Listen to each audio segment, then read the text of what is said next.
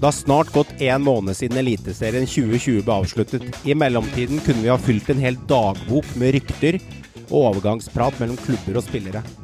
Noen har forlatt oss, andre er rett rundt hjørnet. Når noen drar, får andre sjansen. Naturens lov slår inn. Vi tar status på hvordan tingenes tilstand ser ut akkurat nå. 5. april 2021, altså andre påskedag, sparkes årets sesong, sesong i gang igjen. Det er nøyaktig 77 dager til seriestart. Velkommen til en ny episode av Synselinga. Men det er jo ikke sånn at bohemen etter Vålerenga på 60-tallet At vi kan spille med de på 2020, i 2020. Det det er toppidrett i dag.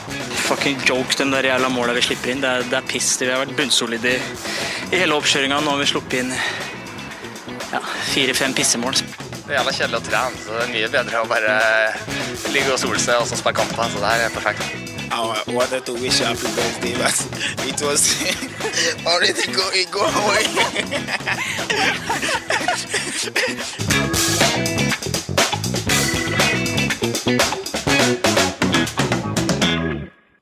Velkommen skal det være, gutter. Håvard og Meran. Vi er samlet her i den første episoden av Synseligaen i 2021. Og Joakim han må vi vente litt på, for han er i et møte. Er det et slags kommunemøte igjen, Meran, som er diska løs i Nedre Eiker nå? Sikkert noe politisk eh, relatert, tenker jeg, når det er Joakim. Kan godt hende det, at han er med nå. Jeg tror det er noe borettslagsgreier. Hun skal krangle om det skal bli elbillader i garasjen. Det er vel det som er eh, Der er en times møte om det. Klassiker. Håvard. Det er eh, noe kommunestyremøte, tenker jeg. Ja, det er noe, er noe sånt noe. Hva det er for noe, om det er borettslag eller kommune, det, er, det får være som det er. Det, det er hans, eh, hans bane. Man kommer humpende inn i hvert fall, og alt fra ti minutter til en halvtime fram i tid, så kommer Joakim til oss, og da er vi fulltallet. Men vi starter med oss tre, da. Det har gått nesten en måned, Håvard, siden eh, eh, Mjøndalen eh, dunka ut eh, i kvaliken her og fikk eh, has på Sogndalen. Tenker du? Eh, for min del, så eh, når jeg hadde bikka, når jeg hadde bikka jula, og da 1. januar, så var jeg nesten klar for en ny runde med norsk fotball allerede. Altså. Da, så bare på et par uker var eh, allerede nok, så jeg kunne tenkt meg at, eh, at nå, eh, nå er det ikke lenge til vi smeller i gang. Men nå er det jo i hvert fall eh, silly season, og silly season i Norge har jo på mange måter blitt eh, Ja, det er starta friskt. Det har skjedd allerede mye. og det gleder jeg meg til at vi skal snakke om her i dag. Så jeg fyller jo tiden min med, med diverse ryktespalter her og der fra diverse medier. Og eh, deilig at VG har begynt med å sende daglig Silly Season-sendinger. Og noen podkaster her begynner å slippe, så jeg gleder meg virkelig til at vi også kommer i gang, gutta. Til å begynne å prate kjære norske, norske ballen som skal rulle videre i 2021. Hva har du gjort da, denne måneden her? Vi har jo pratet sammen, vi var egentlig sammen vi, men det har jo vært eh, litt strengere strikser på å henge familie med Ja. familie, så vi har jo snakka litt på telefon og hatt en dag eller to sammen, men det var det. Nei, altså, det, Jeg følte det var litt sånn ja, hos folket nå. At uh, nå som 2021 kommer, da skal alt bli så mye bedre, folkens. Da er det liksom bare å knipse, og så er vi tilbake til uh, det vanlige. på en måte. Nå er, skal alt bli så mye bedre i 2021. Det var litt sånn der gjengs over hele linja. Men, eh, men fakta er at det er jo ikke så enkelt, det skjønner jo alle. Så nå er vi jo tilbake til strenge restriksjoner. og og jeg har jo fylt eh, tiden eh, med mye familietid, og det er jo kjempehyggelig det, med, med barn og samboere. Og gått på ski og skøyter og vært ute i frisk luft og hengt litt med venner. Og, og så er det blitt en del Fifa-spilling, som er en liten sånn lidenskap jeg har. Når jeg ikke får sett min kjære norske fotball på TV, så må jeg bruke tiden litt på på Fifa og andre viktige ligaer. Andre mindre viktige ligaer, sånn som Premier League og sånne ting. Så det fyller jeg tiden min med. Og så moro å game litt online og kose meg med det, da. Og selvfølgelig være mye sammen med familie og, og litt sånn. Og det er jo ikke så mye annet vi får gjort nå, nå som alt er stengt. Så det, men det er jo Vi koser jo oss eh, for det. Det gjør vi. Meran, hva med deg? Eh, en måned. eh, Ja. Kribler i både blod og, blod og tårer, holdt jeg på å si. Altså, hvor, hvordan er kjenslene? Mm. Nei, jeg er veldig klar for en ny sesong. Uh, Samboeren min er ikke klar for en ny sesong. Hun uh, var passe dritt lei 22.12. Når, uh, når siste serien gikk. Og... Men jeg fikk allikevel to Lucassi-drakter av til jul, da. Altså to? To, ja! Du fikk to, ja! Ja, ja. bort- Borte og hjemmedrakt. Ikke ja noe det tull. er, du har lært deg godt opp, Det da. er litt sku ja, ja, men det er litt skummelt òg, for hver gang jeg får en Stabæk-drakt, eller kjøper en Stabæk-drakt med en spiller bakpå, så går det et halvt år, så blir den solgt. Ikke sant? Så, så jeg er litt bekymra for det, da. Men Kastet blir ikke solgt, vet du. eh, Jo, veit alle. Men uansett så har det vært veldig etterlengta å starte opp igjen. Og jeg ser veldig fram nå til det Håvard nevnte i stad. Sildeseason er godt i gang. Veldig spent på å se hva som skjer i klubbene. Og jeg føler også det at Arinas er godt i gang i VG og har holdt koken egentlig for, eh, for interessen. da. Og det, det syns jeg er kjempebra. Shout-out til Arillas i VG, altså. Og, eller ikke bare han, selvfølgelig. eh, Det er redaksjonen og at de faktisk satser på norsk silly season. Med daglige sendinger. Det har jeg aldri sett på noe, på noe norsk eh, medium før. At de, de faktisk eh, Altså, liten shout-out til VG. Jeg syns det er eh, moro at de, at de har vært så mye fokus på Silje season utlandet naturlig nok i mange mange år. Og nå får norsk fotball og Silje season litt plass eh, på, på VG, og det syns jeg er deilig. Og Eurosport og Discovery som sitter med rettigheter, har det vært relativt stille fra. Så jeg syns det er jævlig moro at eh, VG booster litt på. og Det gjør jo at vi eh, som elsker norsk fotball, eh, får jo på en måte litt eh, bensin på bålet. Vi holder interessen i gang. Vi, vi blir eh, ekstra motivert for ny sesong og ekstra gira på Altså, jeg leser jo daglig ting hele tiden, jeg er jo gæren, men, mm. men jeg tror det hjelper for folket og fansen at det, du blir fora med info og, og, eh, på norsk fotball. Det har jo skjedd masse rykter allerede. Og Jeg gleder meg til at vi skal snakke om det her i dag. Og for min del så jeg tror jeg nesten aldri har vært så gira på, på en ny sesong. Og kanskje vi endelig i år får publikum tilbake. må, det er så mye å måte se fram til. Og, og ikke minst den der store ryddesjauen som er i masse klubber nå. Det er jo veldig spennende tid nå fram til seriestart. Så det er litt deilig at det er en stund til seriestart òg. Og kan liksom se at dagene begynner å ta form. Og det syns jeg er veldig interessant. Interessant for min del, etter at vi hang sammen uh, i en liten tur der, Håvard, i romjulen da vi traff hverandre, var jo ekstremt flinke på å holde meteren, da. Det var, må jeg jo si. Hadde jo nesten med målebånd og greier. Jeg hadde med det tynne målebåndet, vet du, mer han som du fikk utdelt på sy- syrsken i 7. klasse. Den rulla sammen. Mens Håvard hadde med meterstokken som han fikk av faren sin, den stive som eh, du satt ut fra kroppen. Så vi holdt jo en meters avstand med den. Så vi kjørte beinhardt. Jeg måtte jo bruke den til å slå deg litt men når du er litt for innpåsliten et par ganger der. Så, sant, sånn så, du, så du passa på avstanden der. Så ivrig. Men uh, uansett, det som har uh, Altså, jeg diska jo opp her i romjula med, med Nintendo Switch. Vi har jo spilt uh, Switch som den store gullmedaljen, så hvis folk skal bruke en liten anbefaling til folk der ute som skal bruke tid sammen med familie, samboer, elsker, kjærester, barn, ikke-barn, tante og onkler, spiller ingen rolle hva det er for noe, så kjøp deg en Switch. Da får du spilt mye, og veldig mye moro med disse Mario-spillene, og du får brukt tid altså til å spille. Og Mario Party har vi spilt veldig mye av, så vi har brukt mye tid på det. Og så var jeg veldig klar da, til å sette meg foran TV-en og se Tour de Ski Meran, din favorittidrett, som er sk- Velkommen til Skipodden! Men uansett, jeg skulle se det, men det var jo ikke noe moro, for da hadde alle nordmenn har trukket seg. Så da var det bare russere og, og polakker og engelskmenn og, og franskmenn og Magnificat-gutta kjørte. Så da var det bare drit i hele Tour de Ski. Det var ikke noe gøy å se på det. For det, det, var, det var egentlig da det var gøy, for da var det bare jevnt, ikke sant. Men det gadd jeg ikke å se Det på. ble litt sånn amatørmesterskap, det. Ja, det ble litt amatørmesterskap. Jeg skal fullføre det med Krag. Ja. Ja. ja, kjør du. Holder Sundby fortsatt på med Ventolin og det greiene der, eller? Nei, han gjør ikke det. Han, øh, han fikk sin straff sånn som Waji for Haugesund fikk, og så fikk han et år, og så var det ferdig. han er. Det er fire-fem år siden, er det, så du henger litt etter. Det er Nå er han bare for er dårlig. Nå er han bare for er dårlig. Ja, nå, derfor han ikke er med, ja. Nå er han bare for dårlig nå. Han er bare for gammel og for dårlig. For dårlig. Men han, øh, han har han, ja, det, er, han, det er litt andre folk enn Sundby som er eliten her nå. Det er, for å si det sånn, det har gått noen OL-gull siden, siden det, Meran, men jeg skjønner hva du mener, siden du disser med litt dop. Men da kom januar. Og så var jo denne forferdelige ulykka på Gjerdrum, og så var det denne brannulykken som var nå. Jeg syns det har vært mye forferdelig nyhet nå. Jeg sitter og følger Ja, med. Sitter og ser på TV-en, sitter og ser på nyhetene. Jeg trodde korona, nå skulle alt bli bedre. Nei da, da bare raser vi helt boligfeltet ned, og så bare Ja. altså, eh, kondolerer til alle der ute. Forferdelig hendelse. Og jeg syns at nå må 2021 vise seg fra sin beste side, for det, det har ikke starta akkurat det herlig, dette her. Nei, det var tragisk. Det, uff meg. Det er helt, eh, helt tragisk og veldig trist. Veldig Men uh, vi får, vi får eh, be til høyere makter om at eh, 2021 blir, eh, blir bra. Og, og apropos det du nevnte med Nintendo Switch. Det gikk vel én til to dager før vi hadde kjøpt hele pakka, vi òg. Så vi blei hekta og påvirka når vi var hos dere en tur og spilte Switch. Sånn er det. Vi, dropp, vi droppa det jo som årets julegave, og så gikk det noen dager etter jul, og så hadde vi kjøpt den vi òg. Så, sånn er det. Men det er gøy med Switch, altså. Det kan anbefales til eh, familier og alt mulig der ute. Det er artig, artig tidsfordriv.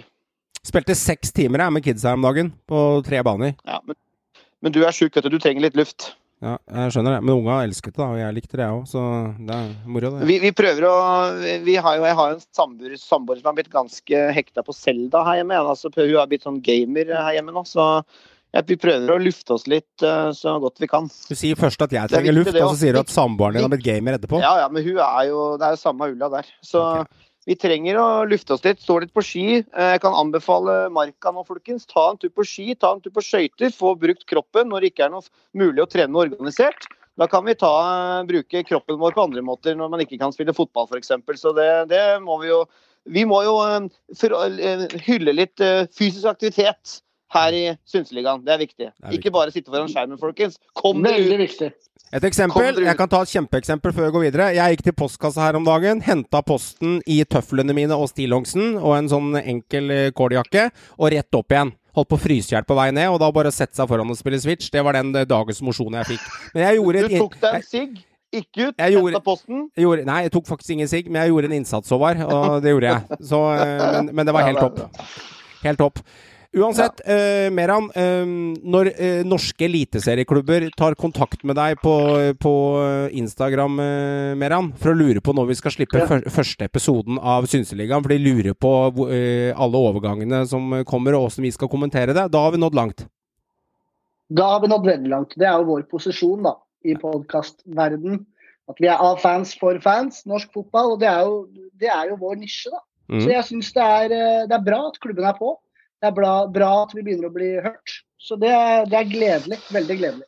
Altså, jeg er jo blitt så sånn der, Hva skal jeg si, sånn forummenneske at jeg driver og kommenterer på diverse sånne Twitter-greier Er du nettroll? Moderne nettroll? Ja, er ikke troll, men jeg er blitt ivrig. Sånn, Ikke troll. eh, Kommer med kommentarer og kommenterer mye på sånn Arillas og Jokke og prøver å være litt på, da. Ballspark. Det er jo mye, mye tullinger der ute som sier mye rart. Det er sånn nettrolla starter, vet du, for de sier det Ja, samme om ja, ja. deg. De sier det samme om deg. Er jeg, der jeg vil jo si at ja, det er mange som Han har sikkert syns blitt at jeg sånn er ballsparkfanatiker. Ja, jeg er blitt sånn jeg, jeg blir helt oppgitt over så mye tullinger der, der ute, så jeg må kommentere litt. og det er sikkert jeg, sikkert noen som ser på meg som tulling òg, det er sånn det er. Artig, vet du. Sånn skal være.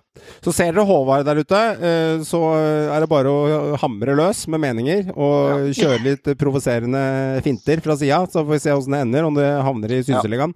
Ja. Sagmoen, jeg nevnte i starten at eventyrtallene 77, altså de to Disney-tallene 77, eller ditt favorittall fra barndommen, som er 7 det er tross alt 77, og igjen 77 dager til Eliteserien starter, Håvard. Og det er jo magi i seg selv når du nevner de to tallene der. Ja, det, det, det er vel det. Det er fine tall. Fine tall, som det heter. Eh, 7-7. Det er lenge til, det. Det er, det er jo lenge. Det er jo påske vi snakker. Så det Andre er jo påskedag. lang, eh, Når du ser været ute nå, når det er snøstorm og ti minus, så er det kanskje bra det er en stund til. Det er ski-VM vet du, før Meran neste måned. Det er det først. Så dette her går fint, det her. Så eh, Ah, ja, Vi snakka akkurat om, eh, om introen her. vi. Joakim, velkommen til podden og eh, årets første episode av Synseligaen. Takk, takk. Hvor har du vært hen? Informer lytta. Er det kommunemøte eller krangling i borettslaget om lader? Eller? Jeg sitter hvert i FAU-møte, så det er ikke så spennende. Hva har dere diskutert der? Har du lov til å Åpningstider i barnehagen, blant annet. Er ikke det alltid halv fem? Nei, det er jo ikke det, for nå er det redusert. Å ja, ok. Var det noen foreldre som ville stenge hele barnehagen, eller var alle de fleste positive? Nei, det er ingen foreldre som stenger barnehagen. Det, Nei, for det er alltid noen hysteriske foreldre som vil ha barnehagen stengt. Er det alltid en som holder møtet altfor lenge og har masse spørsmål som du ikke klarer å få til å holde kjeft, liksom? Nei, vi er veldig Veldig kurant dame å gjøre, hele gjengen. Så det, Ja, Så bra. Det er viktig, det. vi, er, vi er effektive. Det er den gjengen som ikke har egentlig lyst til å være der, som ikke har lyst til å si noe. Så det er to gærninger som har Derfor det tok så kort tid. La oss gå videre, liksom. Ja, litt sånn. Det er, men det er obligatorisk. Det er viktig. Det er viktig å bidra. Det er bra du bidrar Det er viktig å stille opp, tenker jeg. Bra du, Joakim. Det er heder, heder og ære, og første, årets første stempel går til deg. Joakim, det har gått en måned siden uh, siste eliteseriematchen spiltes. Nesten en måned. Tre og en halv uke. Hva er det du har gjort den siste måneden? Vi har snakka litt om hva vi har gjort. Hva har du fylt tiden din med? Jeg har eh, sett på fotball, for så vidt. Jeg har jo fulgt eh, engelsk fotball isteden. Det er jo det som er så herlig med norsk og engelsk fotball, at de har overlappende, overlappende serier. Så når den ene slutter, så fortsetter den andre omvendt. Det er jo bare et par uker sånn på senvåren hvor vi ikke har noe som helst. Iblant. Nei, på sommeren. Eh, Men eh, bortsett fra det så har vi fotball året rundt. Eh, Ellers så er det vel lei tilbake igjen til hverdagen. da. Det er jo ferdig med julemiddag, ferdig med å trøkke kroppen full av kalorier og ikke gjøre noe som helst. Og så skulle jeg gjerne sagt at jeg var ute og trente igjen, men det har jeg jo ikke, fordi treningsstudioet er fremdeles stengt. Og jeg klarer jo ikke å dra meg selv ut, for det er minusgrader. Så Jeg, jeg fronta ski og skøyter, da. Er ikke det noe for deg? Eh, jeg er nok jeg, er ikke en, jeg tror ikke jeg er flink verken skigåer eller skøytegåer. Ja, men jeg, ikke, det Ikke- jeg har ikke noe å si om du er flink. Jeg, jeg sugde i skøyter da jeg var liten. Jeg blei med Håvard hele tida. Bare dytta i målet, og så ble jeg skutt på. Så det er bare å bli med. Ja, men du må huske på at jeg, jeg er sånn person som uh, ikke liker å gjøre ting jeg ikke kan. Mm. Nei, jeg kan. Det som er, vet du, det er Det er litt sånn taperholdning, syns jeg. Gjøre ting man ikke kan. Altså, Det er du, det, ja, men det er gøy, det. Å gjøre ting du ikke kan. Da lærer du nytt noe. Lære- Ja, men da må det være interessant, da. Er noe- jeg, finner, jeg finner ikke noe glede i å gå på ski. Men, men hva? Jeg tror faktisk, du som har barn også, Joakim, at du kanskje hadde Jeg var heller ikke noe skigåer før jeg fikk barn, men så har jeg lært meg å like det. Eh, det er Ski? noe med det. Nei, nei, ski, der har farmor, så den er safe. Skøyter derimot, det har jeg gjort. Og det, det, det har jeg lært meg. Okay. Men ski, der har hun farmora si, så det går bra. OK. ok. Dytter farmor ut på den, ja. Skjønner. Den får farmor. Greit. Da går vi først på, løs på første tema, boys. Jeg har tema på agendaen her. Jeg tenkte vi skulle snakke litt om økonomien i klubbene ja, i 2021. Eh, vi har ganske turbulent år 2020. Eh, det er noen eh, millioner av kroner og noen panteflasker som mangler i kronasjehaugen til x antall klubber, for å si det litt mildt. Fordi jeg, jeg syns det snakkes er nesten litt underprata i media, og jeg syns det var lite fokus på det på slutten av sesongen i fjor òg. Det var mye snakk om hvem de hadde kjøpt og hvilken plassering de fikk, men når man teller opp eh, kronasjehaugen til, til slutt her og begynner å gå gjennom bankkontoen og samfarer, så tror jeg ikke akkurat det er veldig, veldig grønne tall på den børsen i, i, i, i sparekontoen til klubbene, altså. Altså, det er jo virkelig år den store hva skal jeg si, økonomiske testen kommer. Hvordan dette her virkelig vil slå ut på mange av klubbene. Og ikke nok med det er at hvis det ikke da kommer publikum på tribunene og inntektene stopper Det er ikke, det ikke forespeila så mye pakk, store pakker til idretten nå. Det ligger ikke bare klart, på en måte. Så dette her blir veldig spennende hvordan det kommer til å stå til økonomisk for klubbene. og og får virkelig håpe for, for, for klubbenes del og økonomien at vi får publikum tilbake og litt mer normalisert. Men så er det nok mange som kommer til å merke det. altså. Det, det gjør de allerede, garantert. Det er det ikke noe tvil om engang. Eh, Det er, det er et tungt år for veldig mange klubber. Nå har jeg ikke fått noe, vært innom noe særlig oversikt over noe. Jeg vet ikke når de leverer regnskapstall, de fleste klubbene, men det er vel utover mot sånn ut andre kvartal eller noe sånt, gjerne. Yes, gjerne andre kvartal. er gjerne andre kvartal at man får vite noe, men eh, jeg tror nok det er mange, det er mange altså alle klubbene har blødd. Ja, men det er klart, eh, enkelte de- blødde mye mer før uh, enn Yes. uh, andre gjorde. Så det er spennende å se. Men de pakkene traff i hvert fall ganske mange etter hvert. De pakkene ble jo oppgradert og traff klubbene mye bedre, og de har jo fått i hvert fall en del uh, støtte da, fra, fra, fra Raja sin pengesekk, holdt jeg på å si. Så eh, det har i hvert fall vært bedring økonomisk. Og, og du ser, men du ser det jo på overgangsmarkedet nå. Det er eh, mindre, altså det er kortere kontrakter, det er mer et satsing på unge spillere, egenprodusert. Eh, må prøve å få Mm. selge, selge ut, og det er mindre gambling da, eh, og Mm. kortere kontrakter. Og jeg vil tro at du ser det på lønningene også på spillerne, at det er eh, noen klubber selvfølgelig durer på, som har bra økonomi, men eh, det er mange som eh, må virkelig eh, passe på hva de gjør og tar ikke så store sjanser. Det er jo mer klubbers marked, og mange spillere kommer til å stå uten jobb når vi sparker i gang en sesong. Det er jeg ganske sikker på. Mm. Ja. Ja, eh, jeg er enig i det. det. Jeg ser litt på min egen klubb også, Rosenborg også, som altså, Ja, de har hatt størst inntekter men, eh, tidligere, men det som er negativt med det, er jo at da har du som regel bygd opp en eh, har du vant til å spise biff til middag hele tida, og så byster blir ikke biff lenger, og så er det spagetti og kjøttboller liksom, som eh, ender i andre enden av middagen, så, så er fallhøyden for RBK veldig stor også. Jeg tror det bærer litt preg på det. Vi kommer tilbake til Rosenborg også, hvor mye de kommer til å slanke. For jeg tror ikke de har råd til å sitte på de kontraktene de gjør heller. Så her er det en liten fordel de klubbene, føler jeg, som kanskje har litt mindre budsjetter også. Lite grann fordel, føler jeg. Eh, jeg kjenner litt på det, altså. Men det er, det, er, det er faktisk helt riktig, Krog, det du sier der. fordi eh, For Stabæk sin del så har de ikke blødd penger. eh, Og samtidig så har vi jo fått inntekter i form av spillesalg. Så vi skal jo inn på det mer etterpå. Dere tjener jo ikke eh, penger på publikum, liksom. Det er, det er jo nesten ikke folk der til vanlig. Ikke i den stor grad. Når snittet er 3000, så er det klart da er du, er du avhengig av spillersalg. Da. Og det er klart det var også et greit år i fjor, og vi tjente en del kronasjer der òg. Så Ja. for Stabæks del så er det ikke så ille. Så jeg er enig i resonnementet ditt der. Det er verst på storklubbene. Jeg tror det. eh, Jeg tror det er flere. Molde også kommer til å kjenne det, men de, er klart de, har litt, eh, de har litt penger til Europa nå, da. Så har de litt muligheter der til å dra seg videre i februar òg. De har det, og Bodø-Glimt har eh, Og det ser du også full. på Molde. Det ser du på Molde, og det er lite ut og inn. Mm. Det er, de sitter på lange kontrakter. Mens du ser andre klubber eh, er nødt til å kutte navlestrengen på en del eh, kontinuitetsbærere som kanskje i normal sesong, normal eh, samfunn, holdt jeg på å si, og det ikke hadde vært en pandemi som truer de økonomisk, så tror jeg nok flere hadde fått blitt med videre og fått nye kontrakter. Den var jo ganske brutal, den der med Tollos Nation, eh, at det liksom en, en 30-årig kaptein eh, plutselig da fikk tilbud om ett års. Nå skrev jo han riktignok under, det kan vi jo snakke mer om seinere, men eh, det er, eh, det er eh, hardere kår, altså.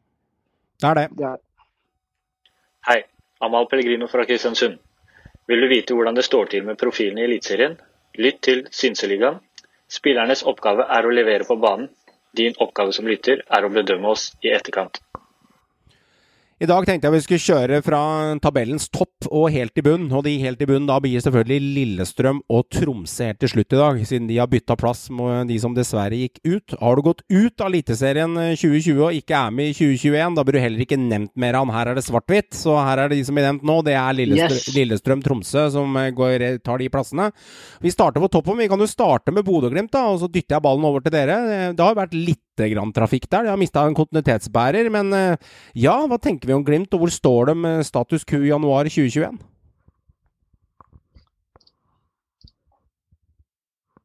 Ja, eh, det er jo årets spiller eh, 2020. er Årets desidert beste spiller som har gått til Watford på en eh, gyllen eh, fire og et halvt års kontrakt eh, med, med Watford. Så han eh, kan kose seg i London. Moteriktige Sinknagel. Så det var jo en fin overgang for han, men selvfølgelig en spiller som eh, Glimt holdt jeg på å si, må erstatte. De må jo ikke noe, men han kommer til å bli erstatta. Og det er jo selvfølgelig noe de eh, vil merke. Altså Når du leverer de sinnssyke tallene der, så, så vil du merke det. Men de har jo beholdt enn så lenge alle de andre. Og så har de signert Sondre Brunstad Fet på permanent avtale. Så kom det jo inn eh, spillere på slutten av sesongen, som Hugo Vetlesen og Moberg. Moberg, Moberg har fått ny kontrakt. Og enn så lenge er jo alle stjernene fortsatt i Bodø. Eh, Og det er Junker, Bjørkan og Berg og hele gjengen. Men det er jo flere som er linka ut, så det kommer nok, tror jeg, til å skje mer. Og da kanskje gjerne rundt Bjørkan. Og muligens også Junker. Men eh, Mm. Ja, det blir veldig spennende å se hva som skjer med Glimt. Men de har jo, de har jo beholdt alle, bortsett fra Sink. Foreløpig. men det er, jo, det er jo nettopp det som er, som er spørsmålet. Jeg tror vi avventer litt fram Ja, til det det. vi ser hva som skjer med Bjørkan og, og The Junker. Spørsmålet er hvem erstatter uh, Sinkernagel, for det er en konkret altså Han har gått, så han må de erstatte. så Ja. det, det er jo der de må starte først og fremst. Og så regner jeg med de har noen i kikkerten for både til å erstatte Junker og, og Bjørkan. Men så må du jo ha en ekstra spiss, med tanke på at både Føys er ute hele Ja. sesongen. Så, Riktig, så det er de riktig. eneste spørsmålstegnene Glimt har. da, og så er jeg egentlig veldig spent på Glimt generelt i år, altså på hvordan de klarer, å, klare seg i sesong to. Det er ofte sesong to som er, eh, er den verste etter å ha tatt gull. Det er veldig sant det du sier med Boniface. De, er nødt til å ha inn en, eh, en ekstra spiss der. og en sånn, Hvis Junker blir, så blir det nok en sånn typisk backup-spiss, tror jeg. Yes. Fordi yes. eh, du, du vraker jo ikke den soleklare toppskåreren eh, med 27 mål hvis han blir. Han skal jo spille, ikke sant. Så da blir det en Mm. mer up and coming, spennende prospekt som du kan utvikle videre i, i rein Glimt-stil, tror jeg. Eh, For Boniface er jo fortsatt en, en ung spiss, som dessverre har fått en alvorlig skade, men fortsatt ung og mulig at han kan selvfølgelig komme tilbake på et høyt, høyt nivå. Men eh, det er ikke noe tvil om at, at Glimt må ha en spiss til. Uh, og Det tror jeg de kommer til å hente. Og De har penger på bok, og vi kommer til å se noen overganger inn fra Glimt. De skal tross alt ikke bli noe dårligere, som Bjørkan og Knutsen har sagt. Vi skal gjerne bli enda bedre hvis det er mulig, har de sagt. Interessante med Glimt er at når de snakker om det, så tror jeg de snakker om at de skal bli bedre, men det de ofte legger i undertonen på, da, de skal, eh, at de skal bli bedre til å ofte utvikle seg også. Eh, så jeg, jeg, tror de er mer opptatt av å hente riktig spillere til riktig rolle, og ikke bare på navn. da. Og Det har vært litt av styrken dem som de har vist en par sesonger nå, når de fikk først medalje, og så fikk de dette legendariske gullet. Så kanskje andre henter mer på navn hvis de har råd til det, men Bodø-Glimt virker litt smartere over døra. De gikk ikke sånn i stresse med Sinkelnagel sin, eh, sin erstatter heller. Altså, Hittil så syns jeg vi vinduet deres, når vi snakker om de akkurat nå det er lenge igjen, gutter, eh, for å notere det, Bakka. Joakim. Det er 77 dager til seriestart. Vi tok det opp i stad. Nøyaktig eventyrtallet 7-7. Så det er mange eh, måneder å gjøre det på. To og en halv måned å gjøre det på. Så ja, ordet er ditt. Ja, nei, altså Det jeg tenker også veldig enkelt, er at jeg tror med den må de ha bevisst før. Uh, altså En spiss tror jeg de klarer å erstatte, rett og slett fordi det er en spiss. Uh, og han skal inn i dem spillemønstre og skal bare passe. Han skal kunne ha de samme egenskapene som en typisk joker har. da. Så det går greit. Samme med midtstopper. Hovedproblemet med å, med, med å erstatte en spiller som Sinkernagel, er, det er noe annet. Fordi han er jo en playmaker. Altså, han er jo på en måte den som laget i veldig stor grad har bygd rundt i veldig mange angrep. Altså veldig store deler av banespillet er bygd rundt han.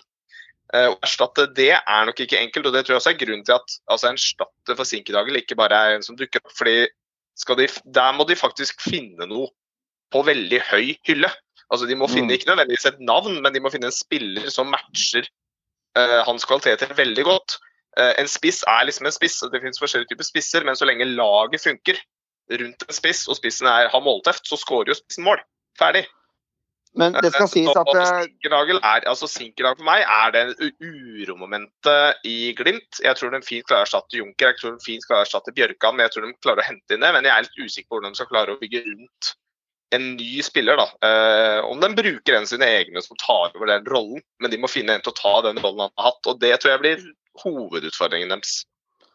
Altså selvfølgelig, Å finne erstatter til Sink som du sier, det må eh, på en høy hylle. Og det må være kvalitet og kanskje en etablert spiller med et navn som må inn. Du, du henter ikke bare en eh, Post Nord-ligaspiller som skal inn og erstatte Sinkernagel. Men jeg kan si det med en gang, altså hvis Junker med 27 mål stikker, så, og de sitter der uten en eneste spiss, på en måte, så eh, må Knutsen og Bjørkan virkelig på jobb. For det er ikke bare å erstatte det. altså. Han passa perfekt inn i Glimt. Og jeg tror at dem vil, eh, de vil vegre seg veldig for å selge han. Det skal være mye spenn på bordet. Skal de selge han nå, når de skal inn i Champions League-kvalik, der de faktisk har mm. reell mulighet til å nå yes. uh, i hvert fall Europa League, da. Så ja. uh, dette laget kommer ikke til å selge unna rubbel og bit. Det har jeg ingen tro på. Så uh, jeg tror det er få som kommer til å gå nå før sesongstart. For de sitter på kontrakter. Den som har kortest kontrakt, det er sønnen til Åsmund, Fredrik Bjørkan. Ja. Han sitter med kort kontrakt. Han har vært der lenge. Han er en venstreback med internasjonalt snitt. Jeg tror det er størst sjanse for at han forsvinner, faktisk. Hvis det er noen som forsvinner. Men hvis vi tar status Q da, for å komme oss videre til neste lag, og ikke, nå, nå, går vi videre til Molde, så er det sånn Vinduet er litt sånn halvtraust hittil. Det er en kjip ut der som er tung, men også Brustad fet inn. Og så er det noen uh, par ukjente navn der som hvem vet, kanskje kan blomstre i 2021. Det er Bodø-Glimt uh, Magic tannbørstelaget. Vet jo aldri hva de kan diske opp med. Men jeg, jeg syns ikke det vinduet her er sånn skremmende ene eller andre veien hittil. Hittil ser det ganske stabilt ut. Lenge igjen, da. Ja, Lenge igjen. Nettopp, Lenge igjen. Og, og, og, på mange måter, hvorfor skal de stresse? De har alle intakte. Ja, vi må dømme det ut fra hvor de står nå. Det er det, og akkurat det er lenge igjen. Ikke sant. Molde også får jeg litt samme kjenslene av. Altså, det er ganske lite der. Altså, Mostrømmen har lagt opp, og så er det noen juniorer som har kommet tilbake, og så er det veldig usikkerhet rundt James. Altså, Deres tanker rundt Molde? Jeg kan begynne der, da. Uh, Molde kan egentlig bare sitte rolig i båten, føler jeg. da. Ja, Mostrøm har lagt opp, men de har jo nok vinger å ta av. Uh, Vingo gikk nå for åtte mil. Det er en mm. veldig god innkassering av Molde, syns jeg. Den er fin. Dekker, så det er heller ikke noe problem. Store spørsmålstegn er leke. Yes, store spørsmålstegnet er jo leke, da. Leke James. Per nå har de OI, så det er jo greit nok, men de må i så fall ha en spiss til. Mm. Men situasjonen rundt James er jo ikke 100% avklart heller. Så, så, de kan sitte enn så lenge rolig i båten og ikke stresse med noen. De har lange kontrakter på alle spillerne. Også. Dette her skal nok gå helt fint på Molde sin del. Ja, For Molde sin del så får de jo tilbake nærmest en spiller, Kristoffer Haraldseid, som var ute hele 2020. Så de hadde jo ja. tre jevngode høyrebacker. Da skjønner jeg veldig godt at du selger en eh, spiller som Vingo. og du, du kasserer inn en eh, åtte millioner der. eh, God, spennende spiller som du kanskje kunne fått mer for ved et senere tidspunkt. For han er spennende, mye stor fart og den biten. Han er spesielt veldig god i Europa. Eh, Mot nettet. Han har gått til Ferencvaros nå, som er da laget som slo ut Molde, og der som tok Max spiller. Han er, han er jo klar der, men, eh, men det er som du sier, Meran, det er jo egentlig bare leker James som er spørsmålstegn. og Resten av gutta sitter de på eh, kontrakt på, og de kan sitte rolig i båten. Men det er så klart at hvis han ikke skriver under, så må Molde hente en ny spiss. Det holder ikke kun med OI, og det er jeg veldig trygg på at de kommer til å gjøre òg. Da spørs det hvilken hylle de skal hente den spissen på, da. Ja, altså, vi så det jo mot slutten av fjoråret. Det var liksom det som gjorde at Molde på en måte dro de siste, altså fikk det siste ut og fikk sikra det sølvet, er jo den bredden de har hatt. Du så det veldig godt. Vi kritiserte dem litt underveis, og det var litt fram og tilbake hvordan de holdt på og sånt, men det var jo til slutt denne rulleringa, tror jeg, som redda. Eh, Som gjorde at de dro eh, lasset over foran Renga og RBK og disse lagene som fulgte bak, eh, som gjorde at de klarte å dra i land det sølvet til slutt. Um, Så jeg tror, altså, de har bredde, de har god dekning. De har kvalitet. De har det. det. Det er ikke noe De har ikke behov for så veldig mye. Men ja, som det sier, altså det er Spissplass er liksom der de må eventuelt fylle inn med noe annet. Eller så klarer de seg med å hente opp noen juniorer, de klarer seg med å hente opp lag, lokale spillere. De klarer seg med det. Men en toppspiss må de ha. Så enkelt er det. Ja, og akkurat nå så har de jo to av dem, så vi ser hva som skjer med James. Ja. For det er to gode spillere der, selv om de ingen av de Akkurat nå så har de bare én, for James er eh, klubbløs. Ja, men Per nå. eh, per, eh, La oss si han blir der, da. At han ender med å signere ny. Så, men de har én. Det er riktig det å være på reell kontrakt som er deres. Det er sant. Men eh, vi snakker om at ja, de har grei bredde og alt er fint og hei og hå. Men holder dette her for Molde? Um, fordi spørsmålet her Skal de ta igjen det Glimt lå foran? De hadde ni vinger i fjor. Ingen av de vingene i fjor eh, blåste kaffekoppen av bordet. Det var Eikrem som bindte dette laget, og han var jæklig rå. Ja, men la meg fullføre den, så får dere spørsmål av meg. Jeg skjønner man har mange spillere på kontrakt og gode spillere, men det er ingen av de vingene i fjor som man snakker om at de var helt stunning. Er det for mange spillere som er jevne? Burde de fornye seg litt på, på flanken der og gjort noen endringer? Altså, jeg syns Molde spilte seg stort opp eh, på høsten, og når de på en måte slutta med det der litt sånn rulleringseksperimentet, når de satte mer enn elver, da, eh, og de fikk også mer De hadde mye skader i starten av sesongen, men hvis du ser på sesongen til Molde isolert sett eh, Glimt var umenneskelig gode i fjor. Mm. Molde sin sesong isolert sett, med poengfangst, og at de går videre til sluttspillet i Europaligaen. Mm. Altså, det, er- det er sånn en, en sesong som nesten normalt hadde holdt til gull, altså. Det hadde det. de tar. Så de gjør en bra sesong, eh, og de er et godt lag. Og de har også alle gutta videre på ny kontrakt. Så jeg skjønner at de ikke stresser på en måte heller. Eh, for det, har, altså, det er grenser hvor mye mer du kan hente inn i en stall når du har så mange spillere på kontrakt som er såpass gode. Mm. Jeg er litt enig med deg, Johan. Det var litt tynt på kant. Så kanskje det er der, i tillegg da, til å få en ny spiss hvis Leke forsvinner, at du må, du må tenke litt nytt. da. Uh, Knutson og altså, det er, Hestad hadde litt skudd, han er god spiller, men Ja, ja. eh, det var muligens litt, litt tynt eh, der for å ta videre steg. Men Molde viste utover høsten hvor gode de kan være, så jeg hadde ikke vært redd hvis jeg er, eh, er Erling Moe og Molde-gjengen. Men, Jeg nesten snudd, Ja. det når det gjelder vingen. Jeg. Altså, jeg tenker liksom, jeg tror Molde heller prøver å jobbe en løsning for kanskje å få noe ut. Altså å få rydda opp litt. Ja, det burde de. uh, det er heller Det som er hovedtanken her, er å prøve å, gjøre- å bygge mer rundt da enn to-tre stykker som kan på en måte eh, på hver side, da, som på en måte kan bidra, og så heller prøve å få folk ut. Du hadde jo bl.a. da denne Ulland som sitter på denne kontrakten sin.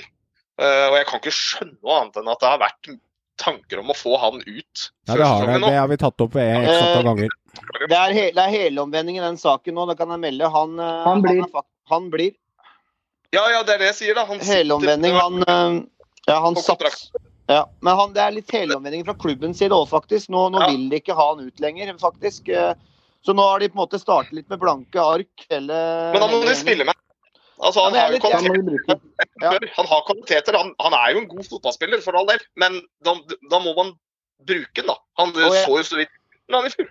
Og jeg tror det er litt det samme dessverre kommer til å skje igjen. At, eh, at eh, han kommer til å havne på benk og kanskje kaste bort enda et år.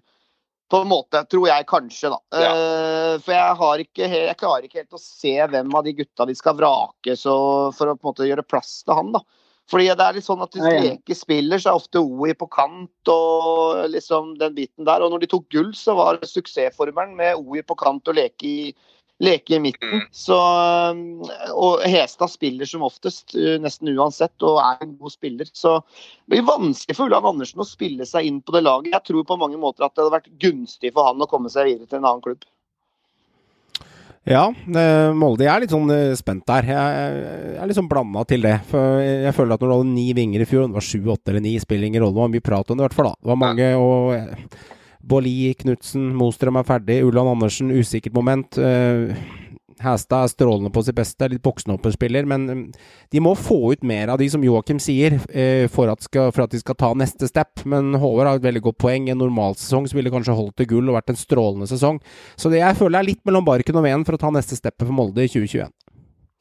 Ett, en spiller er jo på mange måter kanskje på vei ut hvis det rette budet kommer. Og han har det kommet mange bud på, men klubben er ikke fornøyd. Og det er Stian Gregersen. Som også da eh, spilte seg inn på i landslagstroppen. Han eh, vil nok veldig gjerne selv ta det neste steget.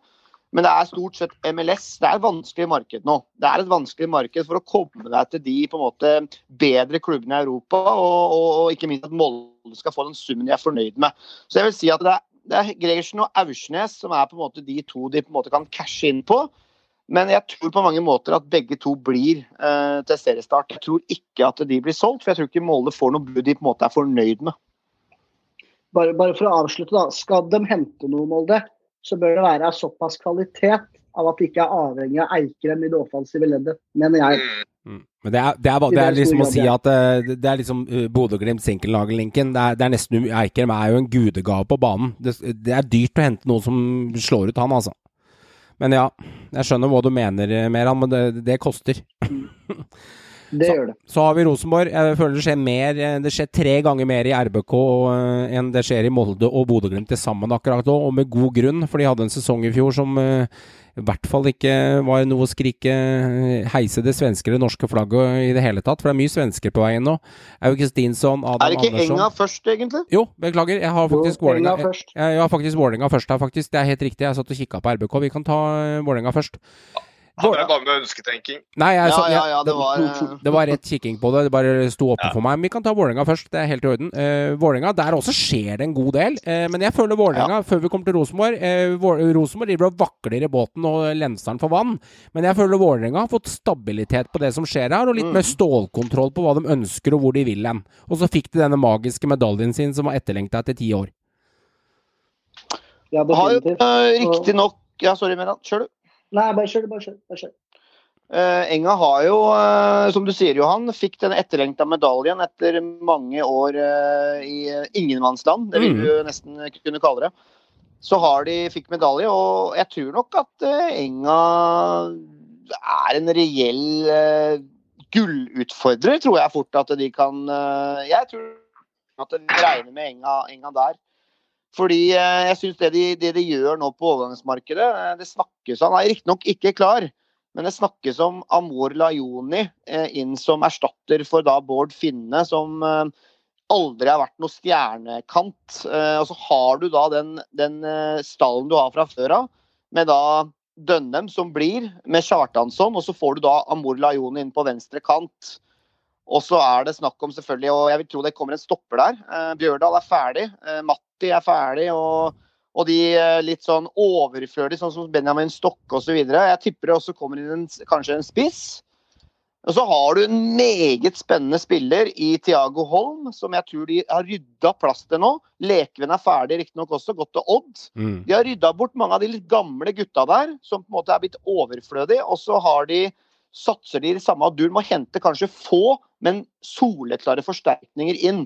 Sånn som da en Amor Lajoni vil garantert være. Og det, der bruker du penger på å hente en Mm. sånn spiller. For det er en spiller som sitter med ti mill. i året i Egypt. Mm. Så det, jeg er spent på hva, hva lønna hans blir i England, hvis de klarer å signe han. Ja, det er, det er enig i.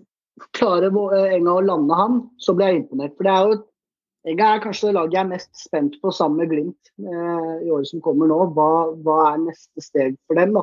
Mm. klarer de å utvikle det de starta med i fjor. Eh, når det gjelder Lajoner, så har han allerede landa på Gardermoen. Det har vi fått bekrefta.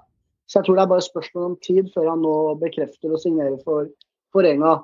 Så litt det du sa, Håvard, at de har jo rydda opp. Blant Mm. annet Sjala og, og flere som har gått ut Ja. nå. Og jeg tror det er generasjonsskifte på gang. Flere av unggutta som du nevnte nå, Tiago Holm kommer opp. Og vi kommer til å se Sarawi som kommer til å være enda mer Ja, ja. toneangivende enn, han er- enn han var i fjor. Du nevnte Sjala. Har han, eh, hvor, hvor, hvor- hvor har han bestemt seg for noe? Per er definisjon klubløs. Ok, ja, Det er en av de typiske gode spillerne som eh, ikke er plass til nei, pga. økonomi. Jeg skjønner. Mm. Han er fortsatt en god Så spiller. leker vi nå. Solid, Mm, god ja. spiller, men 33 år er ikke plass til. Ja. Matti gjort en kjempejobb, han, og solid. Men det er ikke Mm. plass til en lenger. På en måte Pga. alder og sånne ting også. De skal ha unggutta opp og fram. Min tanke rundt Vålerenga ja, kjør. kjør. Eh, eh, jeg bare gir en lite innspill til når dere, når eh, Jeg kan gi et lite innspill til dere når dere tar klubbene. Vi trenger ikke å eh, bare sånn tabellsituasjon hvor godt de kommer til å være. Vi er kun opptatt av overgangene. Det er 100 dager til seriestart. 77 dager. Altså, Ja, ja. vi har, vi har 16 lag å gå gjennom, gutter. Husk på det. Kjør du, Håvard. Johan. Ja, eh, jeg er litt uenig med dere. Eh, jeg, eh, faktisk, det er litt med to ting. Jeg er notorisk alltid skeptisk til Vålerenga. Eh, og historisk har jeg som regel rett. Jeg har fulgt med på Eliteserien i eh, 30 år, og de har tatt gull eh, ett av dem, og fire medaljer. Så statistikken er på min side om å være skeptisk til Vålerenga. Og det, det er alltid når det begynner å hauses opp, så går den ballongen rett ut. Så jeg er, ikke, jeg er ikke opptatt av å snakke om tabellsituasjonen deres, jeg er opptatt av de spillerne som har gått ut. Bård Finna var poengspiller i fjor. Leverte veldig mye poeng i forhold til spilletid. Det gjorde han også året før. Jeg mener han er en undervurdert spiller. Eh, gått til Sønderjysk i Danmark. Overraska at de kvitter seg med han. Matti Williamson Nei. Jeg er litt overrasket over det. Ikke heller. Ja, jeg forstår, men jeg er det. Jeg skjønner at dere ikke er det. Mm. Og Matti Williamson, eh, arbeidsspiller, treningsspiller, viktig for treningsfeltet. Jeg tror de mister en effekt der. Laioni kommer til å bli dødsspennende hvis de får den inn. Kjempebra. Og Sjala tror jeg man også undervurderer ved å dytte han litt ut, samtidig med Lekven. Det er fire tunge navn, Finne, Williamson, Lekven og Sjala, som har hatt en betydning for det laget i fjor. Jeg tror det er litt for mye utskiftninger av gode fotballspillere med, med litt kvalitet i kroppen, mot unge spillere, og jeg tror de kommer til å blø litt for det i 2021. Det er mine tanker. Ja, altså det er selvfølgelig kan slå begge veier, men eh, jeg, jeg eh, føler at uh, Fagermo og Enga er, eh, er virkelig inne på noe. altså. Og jeg tror det var jævlig viktig at de ble enige med Tollås, Mm. som er kaptein og leder, på, med ny kontrakt. Når, eh, når du ser at de på en måte rydder plass Mm. for Tollås når ledere Bjørdal er ferdig, og Mm. Tollås fikk ny kontrakt. Mm. Og de ble faktisk enige om den ettårskontrakten, men så er det en, en sånn gentleman's agreement Ja. om et nytt år, hvis begge parter på en måte er fornøyd. Gamle Tore-avtalen i Eh, Rosenborg, liksom. Ja. Og så har du Nesberg selvfølgelig der, som har tatt veldig steg, og du har bra dekning på bekk. og er litt, eh, litt tynt på offensivt nå, for du har mista mye spisser. Og det kommer en ny spiss inn her, garantert hvem det nå blir. Men det er jo Chartan som er number one Ja, star. ja, ja? Er vel Så, så, så den trioen der med Lajoni, Kjartansson, Dønnem, den er skummel. Jeg tror bare de mister litt eh, gode spillere. Og når du i tillegg nevner ledere Bjørdal, Håvard, som jeg ikke tok med i den Williamson, eh, Finne og. Sjala-kombinasjonen med Lekeven Du vet alltid hva jeg har sagt om ledere Bjørdal. Hva er det jeg Ja. alltid har sagt om han? Altså, han er jo solid, han er leder. Han er, eh, han Jeg mener han er som den viktig. mest undervurderte eh, Ja, midtstopperen i, i Eliteserien, i versus mye oppmerksomhet han får. Det har jeg ment i mange mange år, siden han var i Rosenborg, som var min klubb også for mange år siden. Eh, han har alltid vært veldig god, gjør sjelden store feil. Så jeg tror de gjør en tabbe hvor lang gå. Eh, Tollås er sannsynligvis en bedre spiller, men jeg syns det er for mange tunge navn som går ut. Og det er tegn på to ting. En, at de begynner å rydde til ungdom. Det er jo Fagmo Det er spesialiteten fra Skien! Dette har han kontroll på. Og så er det tegn på en ting til, og det er økonomi. For disse spillerne her, det koster penger å ha de gutta der på kontrakt. Så jeg, de, de er jo smarte òg, da. Altså, de, de har jo orda sine behold nå. Det Ja skal da. Fagermo og Ingebrigtsen Det har han. Det har han. De rydder vei for unggutta. Det har han. Egenprodusert, og de henter heller litt dyre, færre signeringer. Ja. Og jeg vil jo si at den veien Enga inn altså Det viste jo at det var noe rett. Du tok medalje for Ja første gang på mange, mange år. Og det kan selvfølgelig gå begge veier, det her. Det er jo ikke noe fasit her på noen som helst måte. Men jeg syns at Enga er inne på en bra vei. og og Thiago Holm, jeg tror det er bare et tidsspørsmål før han vil virkelig slå til. Han har mye kvaliteter, så det blir spennende å se. Mm. Joakim, eh, du skal få avslutte en gang. Er det bare sånn gå videre, Krog, eller vil du si noe? Nei, altså jeg er eh, Jeg føler at egentlig altså Fagmo må stå litt altså Han må få, få den tilliten han trenger. Eh, han klarte det på første forsøk i første sesong. Så rent hvordan han ønsker å Jeg tror garantert det er økonomi involvert, men jeg tror at hvis det er en som klarer å bygge et lag rundt disse spillerne i gang nå, så tror jeg de har riktig mann på plass. Og det tror jeg er det viktigste sånn sett. Da kommer vi til RBK, og når vi gjør det Rosenborg skal gjøre det på to måter, gutter. Eh, det er så mye ut på fakta ut og på rykte ut, og så er det mye inn på fakta inn. Så vi starter med det som er ut her, for det er, jo et helt lag. Tore ut, eh, Hedenstad ut, Pa Konate, my favorite, kontrakt utgått. Jordi Denic ut, altså ikke at det er all verden. Eh, og så har vi Aasen på rykte ut, og Helland på rykte ut. Og vi har sikkert enda Og Hovland. Og Hovland eh, på rykte ut. Så det er sånn huh, mye rykte og mye fakta. Så vi starter med alt ut, og så stopper vi med tar vi det som er inn etterpå. Hva tenker vi om den uh, ryddesjauen i RBK? Vi kan starte hos deg, Joakim. Nei, jeg, det, jeg, jeg mener jo at det er nødvendig. Eh, Jeg mener at den, det må ryddes opp. og det er veldig, Man ser veldig tydelig at det, altså det er spillere 30 pluss, stort sett alt sammen. Altså Det er spillere som har vært der en stund. Det er spillere som man kan argumentere for at de aller fleste her er over peaken sin. Eh, de har ikke Altså du kan si Som en spiller som Reginius, da, så er han fremdeles god og holder fremdeles eliteserienivå. Men han er ikke en av eliteseriens beste stoppere, i min mening, lenger. Han er, han er for treg. Eh, han har ikke den han har ikke den samme autoriteten på banen som han hadde før. For rett og slett fordi han må Du ser at bevegelsene hans er mye dårligere nå enn før. For han må liksom gjøre opp for det at han begynner å bli litt gammel, stakkar.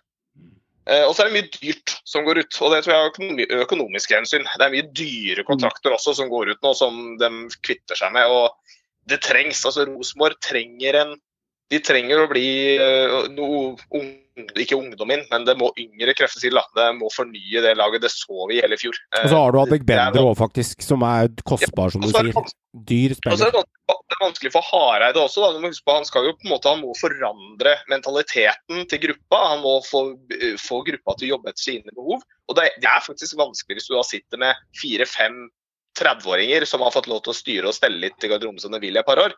Eh, ikke det at jeg tror at det var noe konflikt der, men jeg tror han skjønner det at eh, det er bedre, lettere for han å få nye spillere eh, til å gå og spille og gjøre som han vil, Mm. enn å forandre noen som trives for så vidt godt der de er, da, selv om de selvfølgelig hater å ta på fotballkamper. Mm.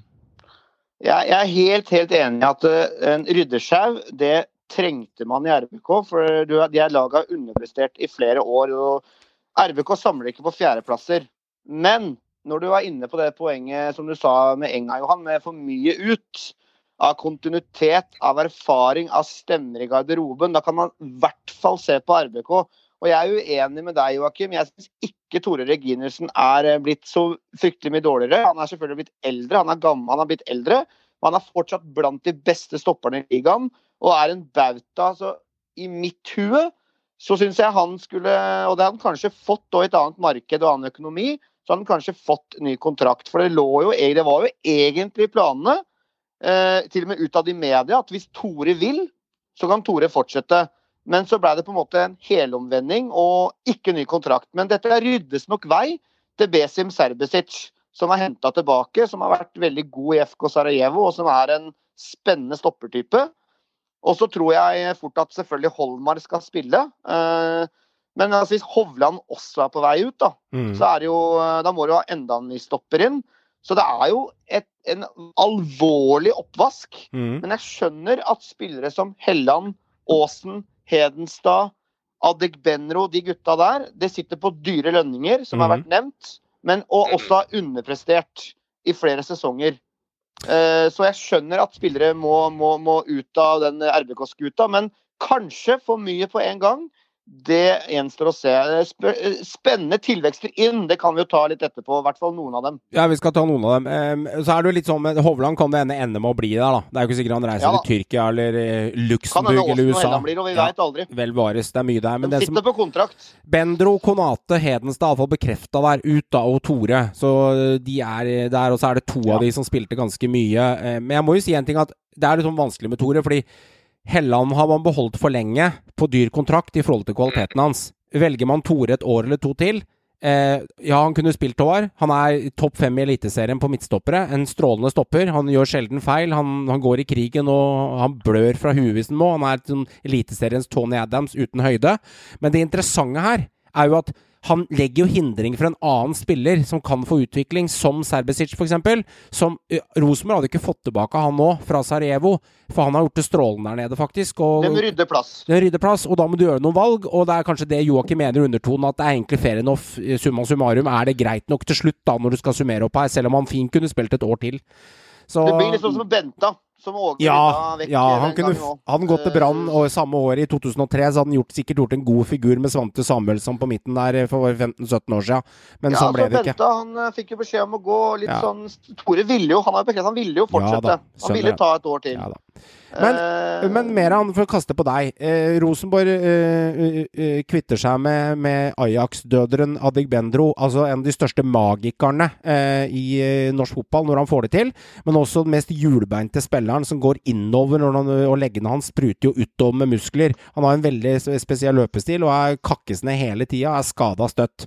Jeg som Rosenborg-supporter elsker at han er solgt. Det varmer hjertet mitt. Det er bare gratis penger på konto for klubben min. Hva tenker du utenfor? Nei, jeg tenker det er helt riktig. Ja. Og Personlig så er jeg helt enig med Rosenborg i det de holder på med nå. Eh, Det var på tide å filleriste hele den spillerstallen. Det er på tide å bygge et nytt lag. Eh, De kunne ikke fortsette sånn som de gjorde i fjor, egentlig siste, siden 2018, mener jeg. da. Så dette var på høy tid. Vi har jo prata lenge nå, egentlig hele fjor, om at spillerne er over toppen. Da må spillerne ut. Og det, det Åge driver med nå, bygge en ny tropp, bygge et nytt lag, jeg er helt enig. Jeg er helt enig. Selvfølgelig litt todelt på Tore. Jeg mener at han fint kunne blitt et år til. Da. Han er jo kaptein. Det er, det er lederen. Han har vært der ni år. Eh, en Spør du, meg, spør du meg, så gjør man ikke sånt med en spiller som har vært der ni år, som er kaptein.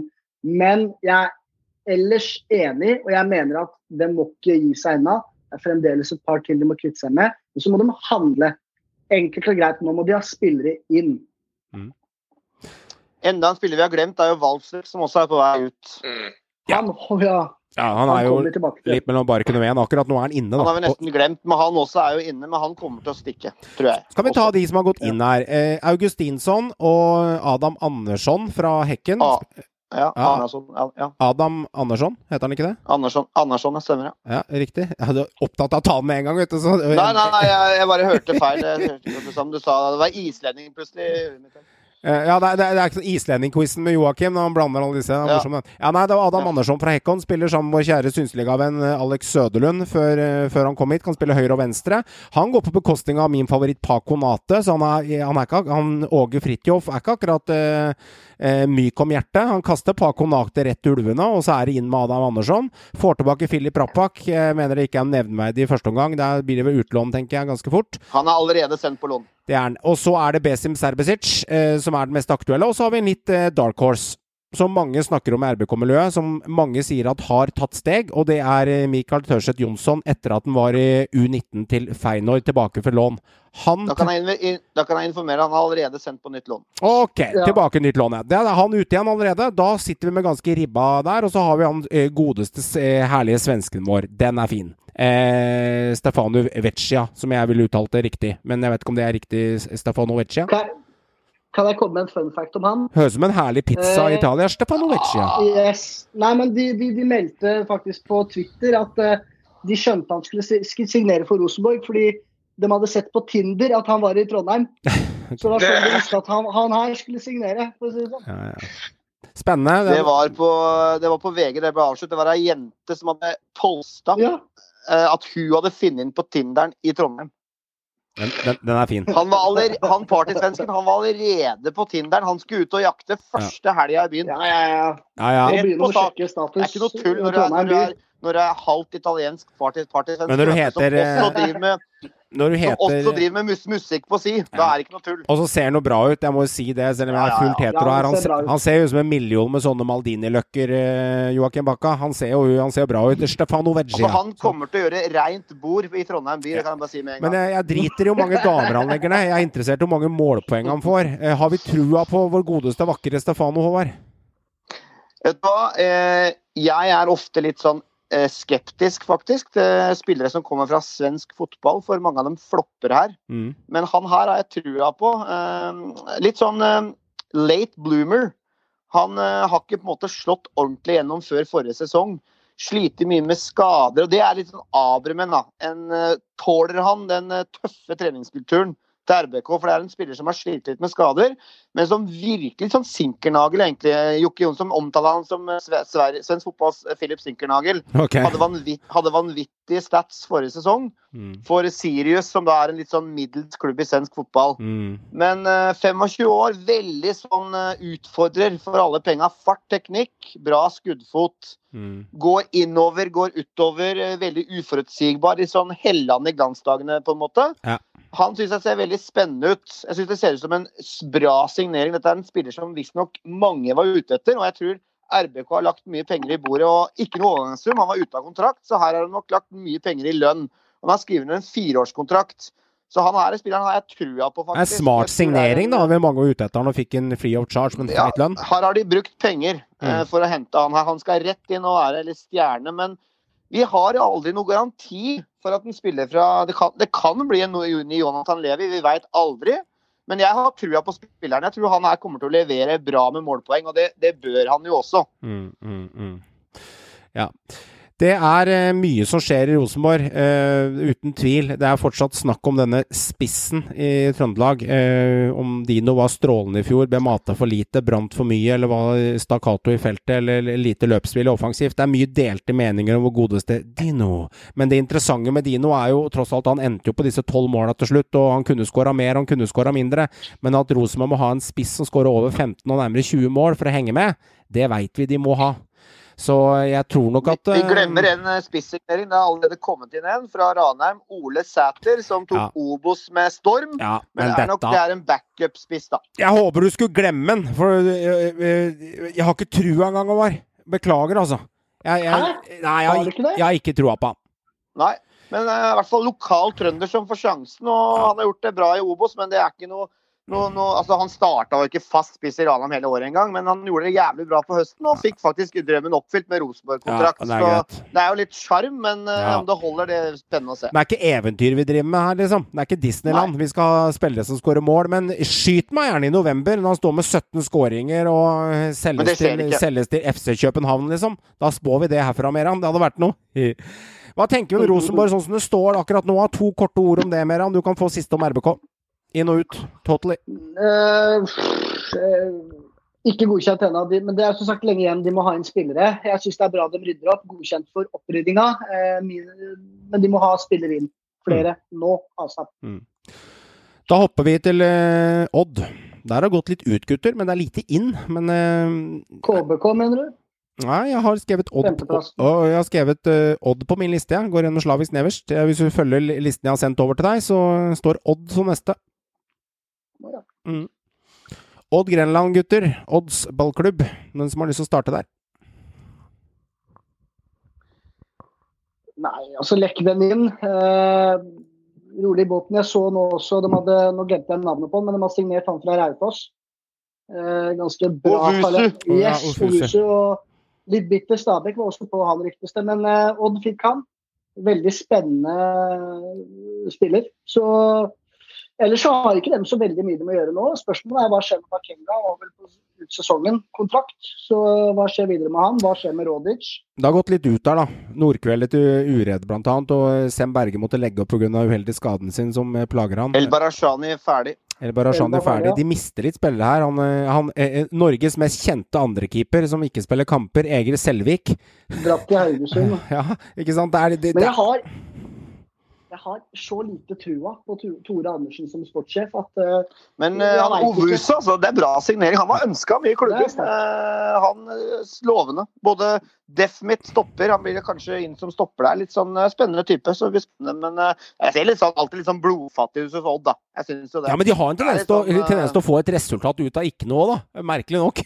Ja, Vi viste jo det i fjor òg, men, Men, men akkurat nå ser det tynt ut, og hvem skal liksom inn der òg? Altså, Ja ja, vi får se. Det er lenge igjen, da. Det er lenge igjen der. eh, Det er det. Eh, Kristiansund er neste. Der er vel den store snakkisen eh, Super Pellegrino. Eh, Siste nyhet som ble sluppet nå, er vel eh, Saudi-Arabia-rykter, stemmer ikke det? Jo, det er siste, ja. Akseptert bud. Ja. Mm. ja. Akseptert bud på Pelle, så da er det opp til han eh, om han vil ta med familien til eh, Saudi-Arabia. Så får vi se. Men, eh, men det skal sies at uh, det, Han har jo sagt det. Han vil cashe inn uh, når han har muligheten. han har sagt det rett ut. Han er over 30 år. Det er vel uh, bare Tyrkia som er hans mulighet i Europa, ellers så må det bli Kina eller en sånn type arabisk land. Så han går for spenna nå, Pelle, når han har muligheten. Og det er vel kanskje forståelig når han har passert 30 og, og har levert det du har levert, så Men litt sånn kjipt da, at man ikke kanskje får se han i en eh, eller annen europeisk klubb. Men jeg skjønner jo gutten. Han vil jo sikre fremtida si. Vel unt, sier jeg. Vel unt, Pelle. Din vei til toppen har vært lang. Og vel unt å cashe inn nå, mener jeg. Så er jo spørsmålet hva skjer videre med KBK, da. Og hva, for de må jo ha eh, De er jo grei rusta defensiv og midtbanefeltet, men offensivt så må de ha inn spillere. De har gjort ent uh, varp, da. Eh, som kan vise seg å være Og det er uh, Sander Erik Kartum, uh, henta fra Stjørdalsblink. Altså årets spiller i Obos i 2020. Stemmer. Eh, han tok liga han tok, eh, han, han er vel, eh, Det var vel han eller man, eh, Mannsverk som RBK sikrer på fra Sogndal der, som er vel de som er de store broilerne på midtbanen i Obos-ligaen. Og vi har jo sett at noen av disse Obos-spillerne kommer jo opp og virkelig gjør en hestejobb og blir gode fotballspillere. Eh, og er det en klubb som kan få han til å skinne og gå videre, så er det KBK. For det er en sånn mønsterklubb på akkurat det. Så det er en sterk signering, føler jeg. Ja, det er sånn typisk KBK-signering. De, de er ofte flinke til å hente fra Obos eller PostNord og få dem Mm. til å bli komme inn i den eh, KBK-spillestilen og gjøre dem til gode eliteseriespillere. Men eh, spissplassen til KBK er jo syltynn. Der er jo smultring på Flamer og Faris Pemi, som riktignok er litt småspennende, men eh, Det ryktes jo, da. Gamle helten Benjamin Stokke linkes jo sterkt. Er det ikke to-tre år for seint, da? Altså, jeg er småskeptisk, altså. Om det blir Ja, eh, men det rykt, han ryktes i hvert fall inn. Ja. Greit. Samme, samme, med, samme med Kevin Cabran, som linkes til halve ligaen. Elite. Ja. Han ender vel i ingen Ja, klubber til slutt. Han skal ha kontraktforslag fra alle, og så ender han på Nav. Det er det han kommer til å ende, vet du. Han, eh, han linkes til både Viking og Enga og KBK og flere klubber. Vebjørn Hoff fra Odds ballklubb her. Takk for at du lytta til eh, Synseligaen. Det er en podkast der det blir snakka løst og fast om Eliteserien, og du vil bli bedre kjent med profilene i den. Vi høres. Og angående Viking, Håvard, som du snakket om de, de Ja, Viking der, der føler jeg er litt sånn det, det virker som Viking står over som veiskille på De har kvitta seg med mye bra spillere. Det er mye spillere som vil ut og prøve proffdrømmen. De har kommet litt opp på tabellen etter noen år der. Tok, tok et cupgull. eh, Altså, denne sesongen her jeg, Nei, jeg er litt skeptisk. Og um, deres tanker? De har jo igjen mista eh, poengplukkerne sine på mange måter, bortsett fra Veton, som fortsatt er der. Han, ringer, han linkes jo også uh, ut, uh, Mm. faktisk, til, til Tyrkia blant annet, som, har- som vil ha alt. Mm. Men uh, de har jo mista, mista eh, han godeste Symer. Butitsjki har jo, allerede debutert for sin nye tyr tyrkiske klubb. Og Ibrahim March har gått til Ural, Stefan Strandberg sin klubb i Russland. Så de er gutta, Mm. Kosovo-gutta er allerede ut. Og, eh, men det ryktes jo, da. Gamle helten Tripic eh, ryktes jo faktisk inn. Så vi får se hva som skjer der eh, med han. Og det vil jo være en vanvittig signering for Viking. Og så er er det jo Kevin Cabran som nevnt, som også ryktes sterkt til Viking. eh, Men eh, så mye mer har vel ikke skjedd der. Nei, men du mister poengplukkere, som du sier. Det, er, eh, det, det kan bli stygt, altså. Det, jeg syns ikke sesongen i fjor også De halta seg oppover på tabellen til slutt der, men mister disse poengplukkerne som du er inne på, Håvard. Så altså, en longshot, long, long, long, long, long, long, long shot kan vi snakke at de, kan, hvis ikke de får forsterka her, at de kan begynne å eh, kjempe litt på eh, langt ned på nedre halvdel av tabellen? Hva tenker vi der, hvis ikke de får gjort noe med det? Hvis ikke du får hente erstattere for de gutta, så vil du det. Det er jeg ganske sikker på. Du, du holder ikke med Dylan Lee og Tommy Høiland da, altså. Du er nødt til å hente noe kvalitet inn. Du er nødt til det. Da kan vi ikke melde Tommy Høiland uh, mer an, som du meldte for ett år siden, mars 2020. Nei, han skal skåre mål, da. Det var tolv skåringer. Største feilen jeg har gjort. Største Neida. feilen jeg har gjort. Jeg har gjort Jeg, jeg, jeg sitter med en følelse på at uh, Veton stikker, jeg altså. Jeg sitter med en følelse på at Veton drar, og at uh, vi kommer til å stå ganske ribba. Med to trenere hvor vi ikke vet hvem som er hovedtrener. De har delt ansvar. Det er mye surr i den klubben nå, tror jeg. Så jeg, jeg De skal ha ny, ny, ny styreformann nå, etter at han gikk av i fjor. Så, etter Berntsen-saken. Så nei, Viking de må på jobb.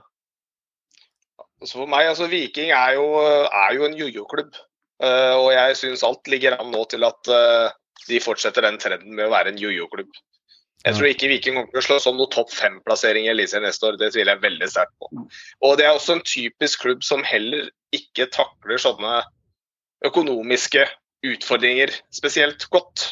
Mm. Litt av den samme måte som mange andre altså gamle storheter da, som ønsker å komme tilbake der de er, ønsker å hente spillere som kan dra dem opp og etablere dem på øverste halvdel, og så ryker dem når økonomien begynner på gå trått. Så jeg tror det blir et veldig tungt år. Veldig tidlig å si, men jeg tror det mye ligger an til at Viking får et tungt år i 2021. Eh, Så var det jeg spådde for dem i 2020, men da utsatte jeg ett år. Hvis du får inn Tripic og beholder vetoen, så har jeg på en måte fort troa. Men som du sier, hvis ikke det erstattes de gutta som har dratt, så blir det tungt. Da er ballen over til Haugesund. Egil Selviks ny klubb der, og der har også gått litt ut. av Grindheim ut, blant annet. Så det er Haugesund, gutter. Hva tenker vi der? Uff. Alexander, er å- Alexander Amitsbø, Oliver Klitten, begge er ferdig. Altså, de er ute. Og Kone har gått i Sarp 08. Mm. Jævlig viktig for dem å beholde Velde, da. Hvis Velde går, som ryktes Ja. eh, både, både hit og dit. Ryktes også til Enga, faktisk. Ryktes også eh, videre ut til utlandet. Altså, han er jo X-faktoren de har. Ryktes også inn Martin Samuelsen på da ikke lån, men eh, permanent avtale. Så eh, det skjer jo litt ting i Haugesund. eh. Men igjen, det er jo tidlig. Vi er i januar, tross alt. Men det må skje noe, skje noe der også. Det er litt småtynt. Mm. Det er det. Og spørsmålet er jo hva skjer med Niklas Sandberg? Hva skjer da med Ja, klarer han å beholde veldet? Vi får se. Men de må jo også ha spillere inn. da, Så er spørsmålet fra hvilken hylle de kan hente.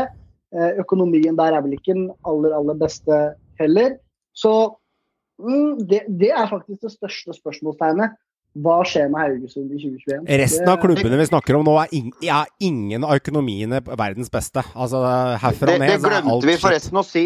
Det glemte vi forresten å si. Niklas Sandberg, som er andrepoengplukkeren, i tillegg til Velde, han linkes jo sterkt til Viking. Ja. Så det, det er jo en av de spillerne Viking prøver å hente som erstatter. Og han vil jo til Viking, men Haugesund er ennå ikke fornøyd med budet. Ja. Det er jo skambud, da. Halvannen mil. Ja. Altså, Men det er veldig det er også det Johan sier nå, er jo noe av det mest vesentlige. er at dette kommer jo, det, så Alt ligger jo til rette for det, sier seg selv. Dette kommer til å være et år hvor klubbene først og fremst må beholde spillerne de har. Det er veldig få klubber som kan hente spillere på noe særlig høy, høy, høyt list nå. Altså Økonomien tillater ikke. altså Det sier jo seg selv. Eh, her må spillere ut for at spillere skal komme inn.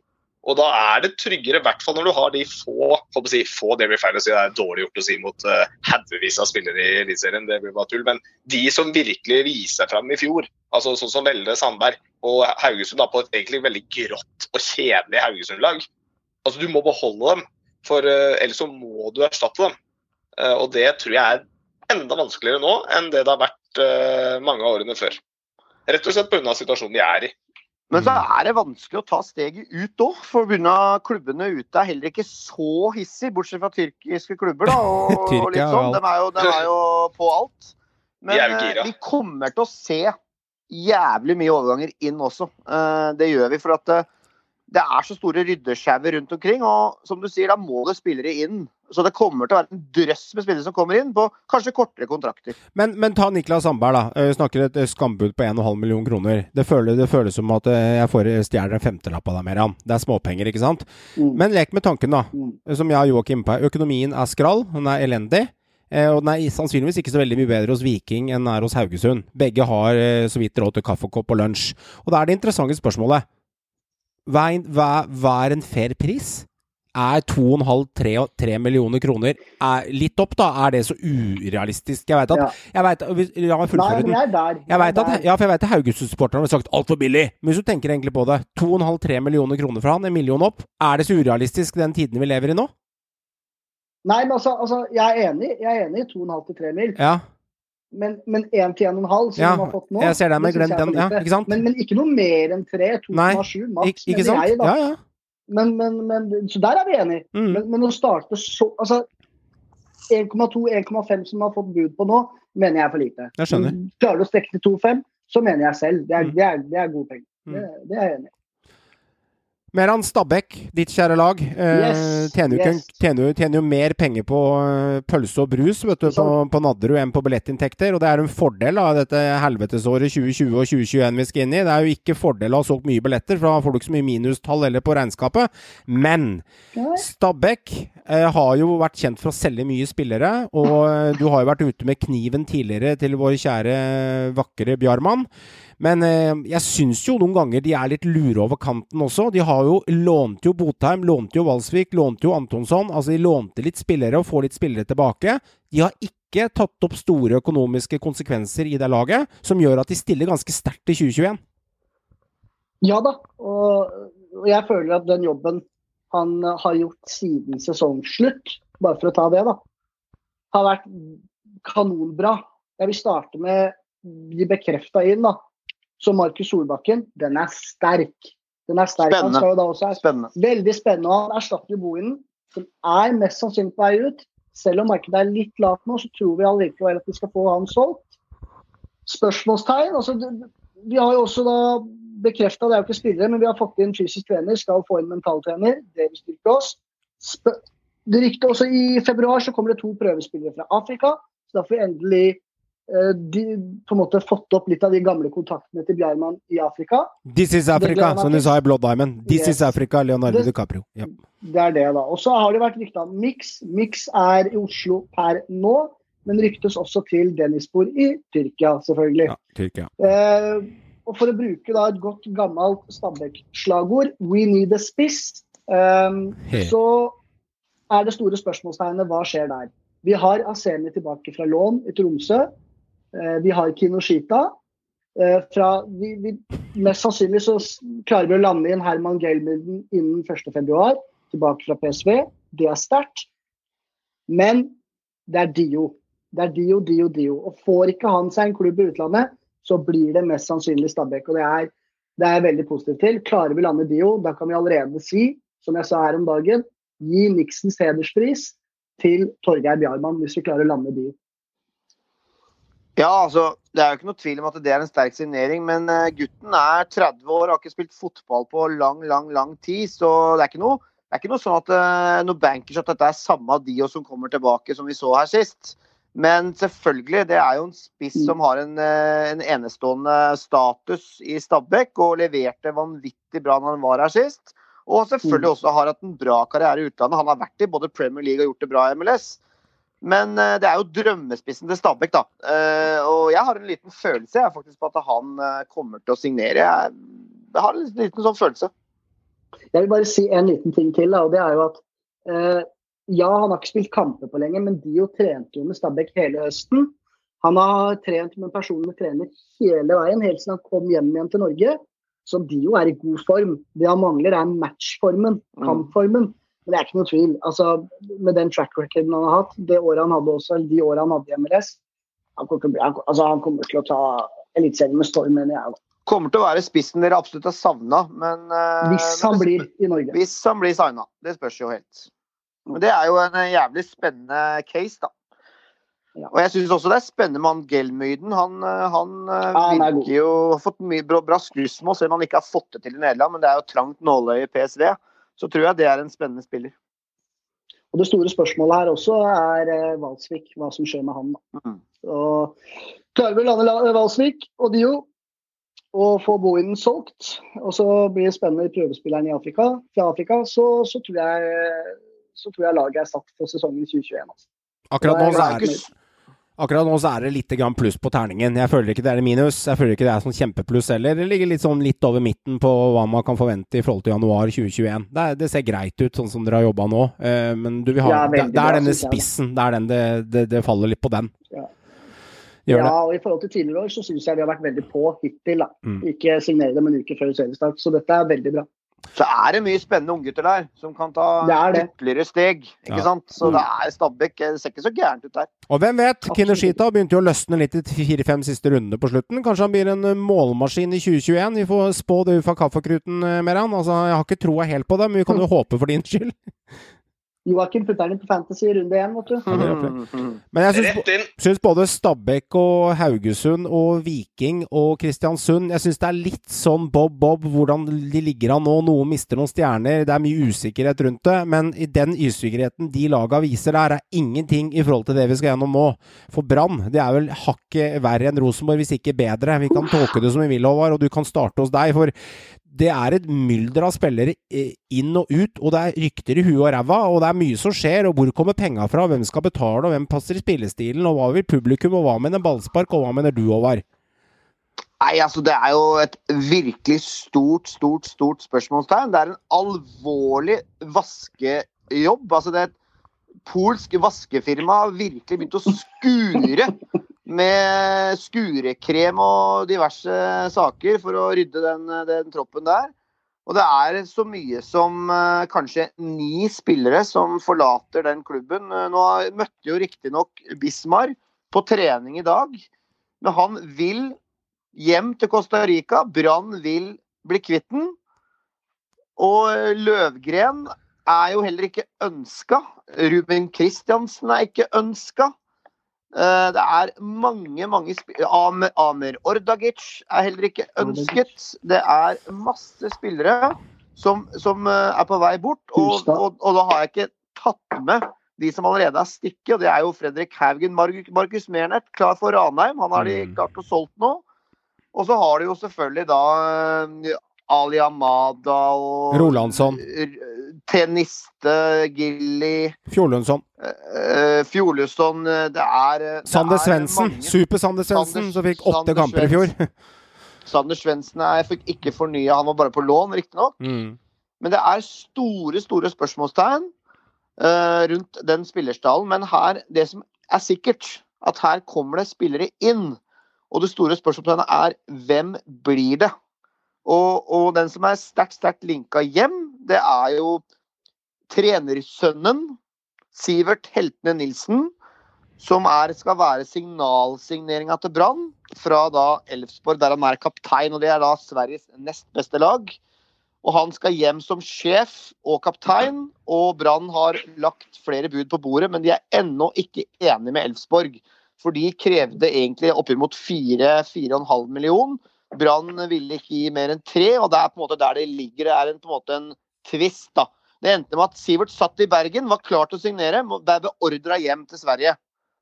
Det er på en måte casen der, og, og han eh, har brakt, Brann brukt mye tid på nå. Han vil hjem til Bergen, men det er spørsmålet hva som skjer der. Og så er det jo selvfølgelig det store Vi må ha offensivt inn. Vi må ha spiss, vi må ha kant.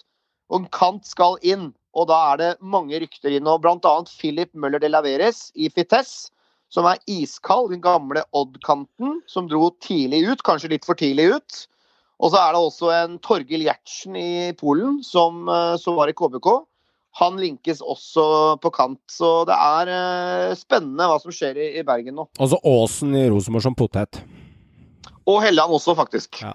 Men eh, hvis vi bryter Brann litt, eh, litt her, da, ser litt med andre øyne. Eh, hva er fordelen Joakim, for å kaste deg på dette her? Altså, De har en ryddesjau uten like. Det her blir jo en skikkelig oppvask. Eh, det er, det det Rosenborg Brann som driver det verste krumspringa her.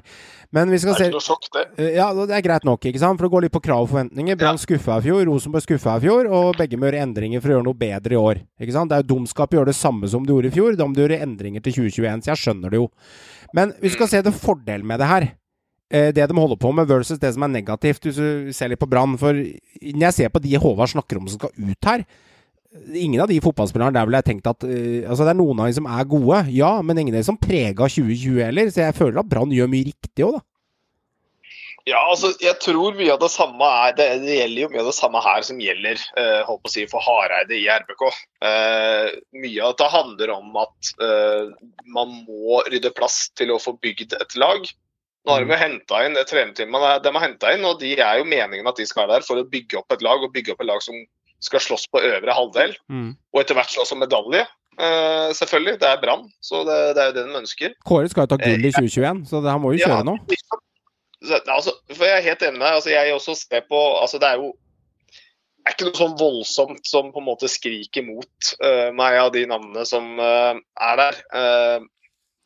Men eh, nei, jeg tror det mye av handler det samme. Og jeg tror også her også sannsynligvis er snakk om en del altså Det er snakk om at du Økonomi og hvordan du ønsker å bygge opp stallen fra bånn. da.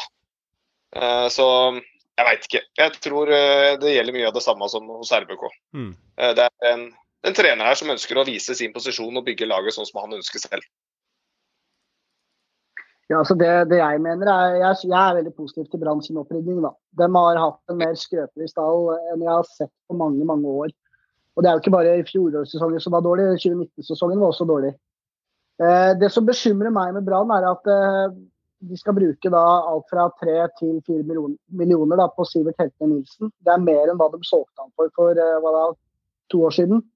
To-tre år siden. Og når det er så mange spillere som skal ut, og økonomien er litt så der, så lurer jeg på hvorfor de skal bruke det opp mot 4 millioner for en spiller som fyller snart 30 år. Eh, Istedenfor å da prioritere å hente litt flere unge spillere og bygge et nytt lag. For de kommer ikke til å ta gull neste år med den stallen de har nå. Det er for mye utskiftninger som må til for at det, det blir suksess i 21. Etter min mening, da. Men casen er, når du har mista så mye rutine og så mye, mye kontinuitetsbære, så må du inn med rutine også. Du kan ikke bare hente unge juniorspillere.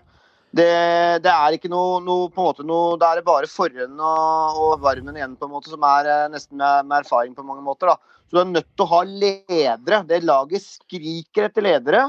Det skriker etter ledere på banen og i garderoben. Og da må du ha inn sånne typer som Sivert Hette Nilsen. Og kvalitet, det koster. Tre-fire mil for en kaptein for Sveriges nest beste lag. Det, det må du bare bla opp hvis du skal ha en sånn type spiller inn. Men eh, viktigste for meg, eh, i tillegg til å få inn han sjefen, da må vi ha noe offensivt med kvalitet. Én ting er ryddejobben. Den ryddejobben måtte komme. Du kan ikke ende på 9.-10.-plass og, og være Brann. Det går ikke an. Så du må treffe offensivt. Eh, Men spørsmålet er om de klarer å treffe. Det er jo de Hvis de ikke har gjort de siste åra. Ikke sant? Så her må du få kvalitet inn. Og Brann skal gå en annen vei. De skal ikke ha så stor stall. De skal, bare, de skal ned i en type 15-16 etablerte, og så fylle på med unge spillere. Som skal ha en kortere vei inn i eh, laget. Ikke sant? De skal slanke stallen. Det er planen til Kåre. Så det kommer ikke til å komme så mange nye inn, men mer da etablerte. Ja, men Jeg er enig i det, men fremdeles Dere har ikke så mye penger per nå. Eh, spørsmålet er hva Trond Moen er interessert i å diske opp med. Og fra det du sier, da, det er ca. ni spillere som skal ut.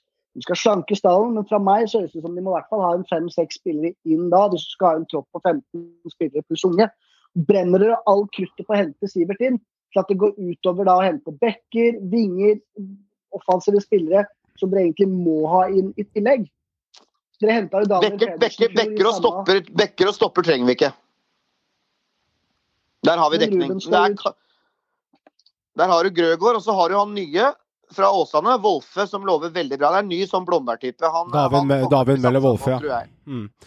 Jeg støtter meg litt på Meran, han, er- jeg. han er spennende. Jeg støtter meg litt på Meran der. Jeg må sannsynligvis ha inn en keeper også. Eh, Eirik Holmen Johansen holder ikke, holder ikke det buret er reint. En fiaskokeeper. Ali Amada Oppdal, går ut. Oppdal er ferdig. Han får vondt i ryggen etter andre serierunde. Oppdal er ikke ferdig. Han er ikke ferdig. Men eh, det, en keeper kommer nok. Ja. De må ha en keeper, og du må ha en midtbanespiller. De må sannsynligvis ha en wing eller to, og kanskje en backup i forsvar. Det er fire-fem spillere som skal inn. Vi svir kanskje litt krutt på Sivert. Kanskje. Tiden får vise. Kanskje du har rett, Håvard, kanskje ikke. Det er vanskelig å si.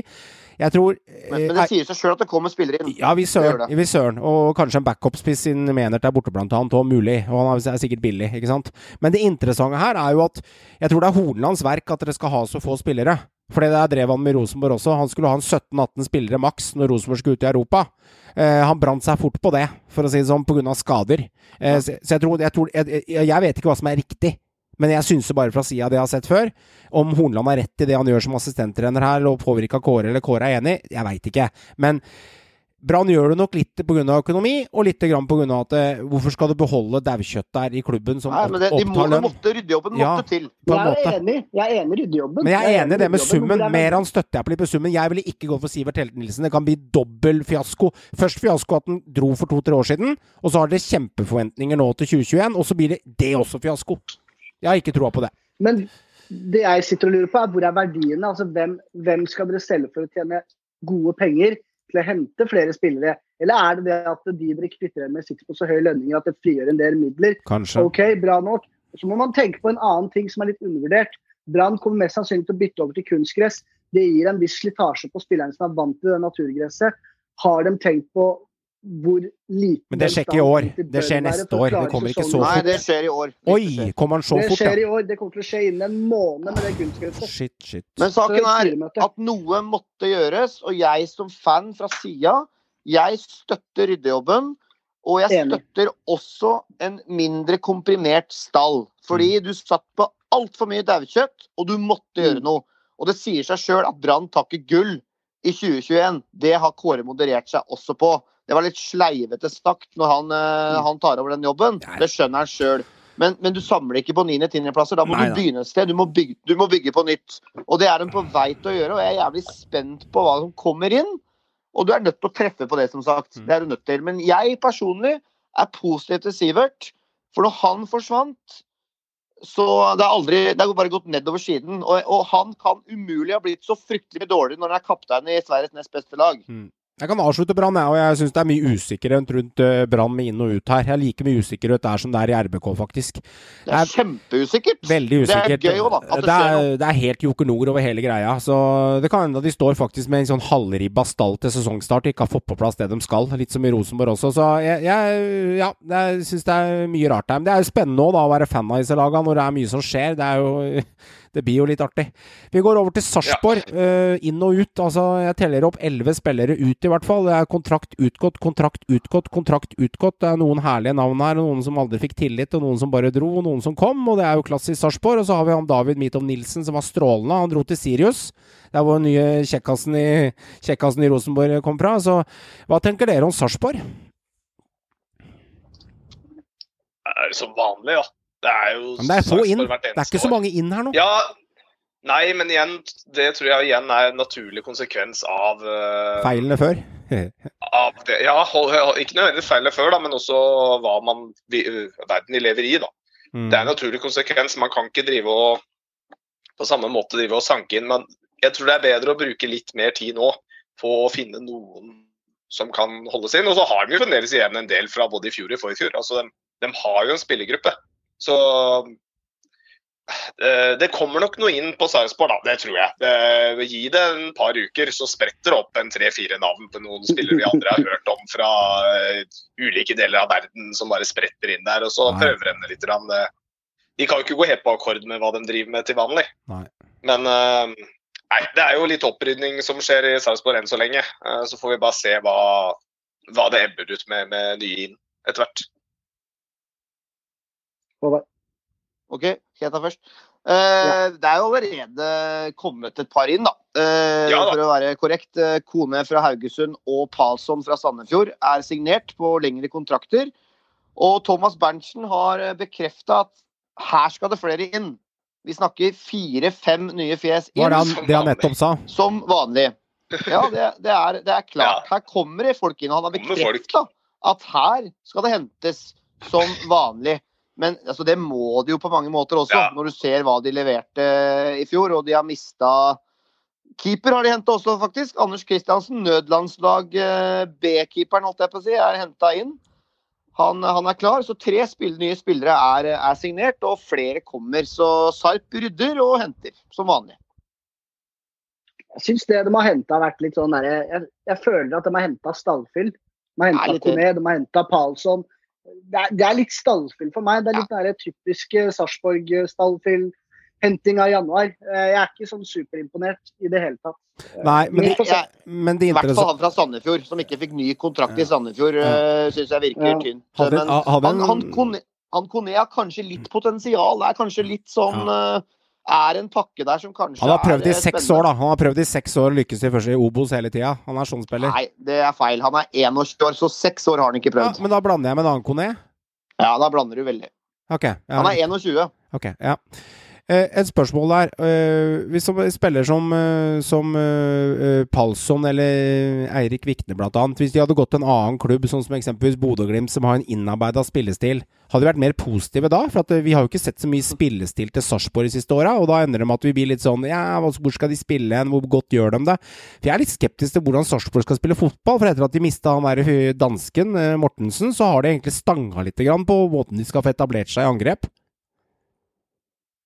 Ja, enig i det. det. Man blir jo litt sånn skeptisk nesten uansett hva de henter, for det har på en måte gått nedover. Men uh, jeg tror de famler litt i Sarpsborg. Mm. Uh, hvordan skal veien videre bli, på en måte. Eh, Men uh, det lukter jo ikke akkurat medaljestrid av de signeringene foreløpig. Men jeg er sikker på at de disker opp noe. De disker jo alltid opp noe spennende, men spørsmålet er jo om det slår til. Ja, det er det. Og vi snakket jo om Sarpsborg tidligere, når det sto på sånn tolv seire på tre år og sånn, og klar, fortsatt klart å overleve Eliteserien. Ganske sterkt gjort. Så det er jo sånne forunderlige fotballag. Men eh, de får vel en second chance i 2021. Eh, satser på at vi vil ta eh, Altså, de må, de må opp på en åtte-ti seire her for å kunne overleve. For det, det, det blir røft i 2021 eh, om, om disse billettene Det- ned. For de laga som har kommet opp, det er ikke noe heislag heller. Det er noe med det. Og vi kommer dit. Sandefjord, gutter. Eh, der, er, der er det penger i det hele tatt. Altså, er det sånn at du, Håvard, har mer penger på, på, på, på lønnskontoen fra kommunen enn det Sandefjord har stående på bok nå? For det er nesten man begynner å lure. For der har, det, der har de ribba, altså. Når Rufo er kontraktløs, liksom. Altså, da, han var en av de bedre spillerne på laget der i fjor. Altså, ordet er deres. Jeg kjører du mer, Hans, kan du begynne. Ja, nei, altså Før sesongen i fjor så sa jeg klar, klar, klar, klar dumpekandidat. Kan ikke begynne nå med det. Nei. Og det, nå har de resignert Vales. Nå har de resignert Vales. Den er sterk. Eh, men, men allikevel, jeg, jeg er spent på hva de kan klare å få til i år, altså. Trener òg, bort. Eh, trenerne bort. Nå har de Ja, også kjørt ikke vikingtaktikken med, med Tegstrøm og Ødegaard som eh, like, likestilte trenere. Jeg er litt skeptisk til den eh, modellen. Pappa Ødegaard, ja, men- endelig skal vi se ham som trener. Jeg, jeg vil ikke være kjip andre året på rad, men jeg spår, eh, jeg spår nedrykk på, på Sandefjord og vinduet deres. Altså, det er sterkt med Valles. Det er veldig sterkt med Valles. Men det, er, det, det stopper for meg der, altså. Mista et halvt lag igjen. Altså, de har jo det- signert Joakim 2-0. Altså, hva heter han der i høyrebekken? Jeg glemmer alltid navnet på han.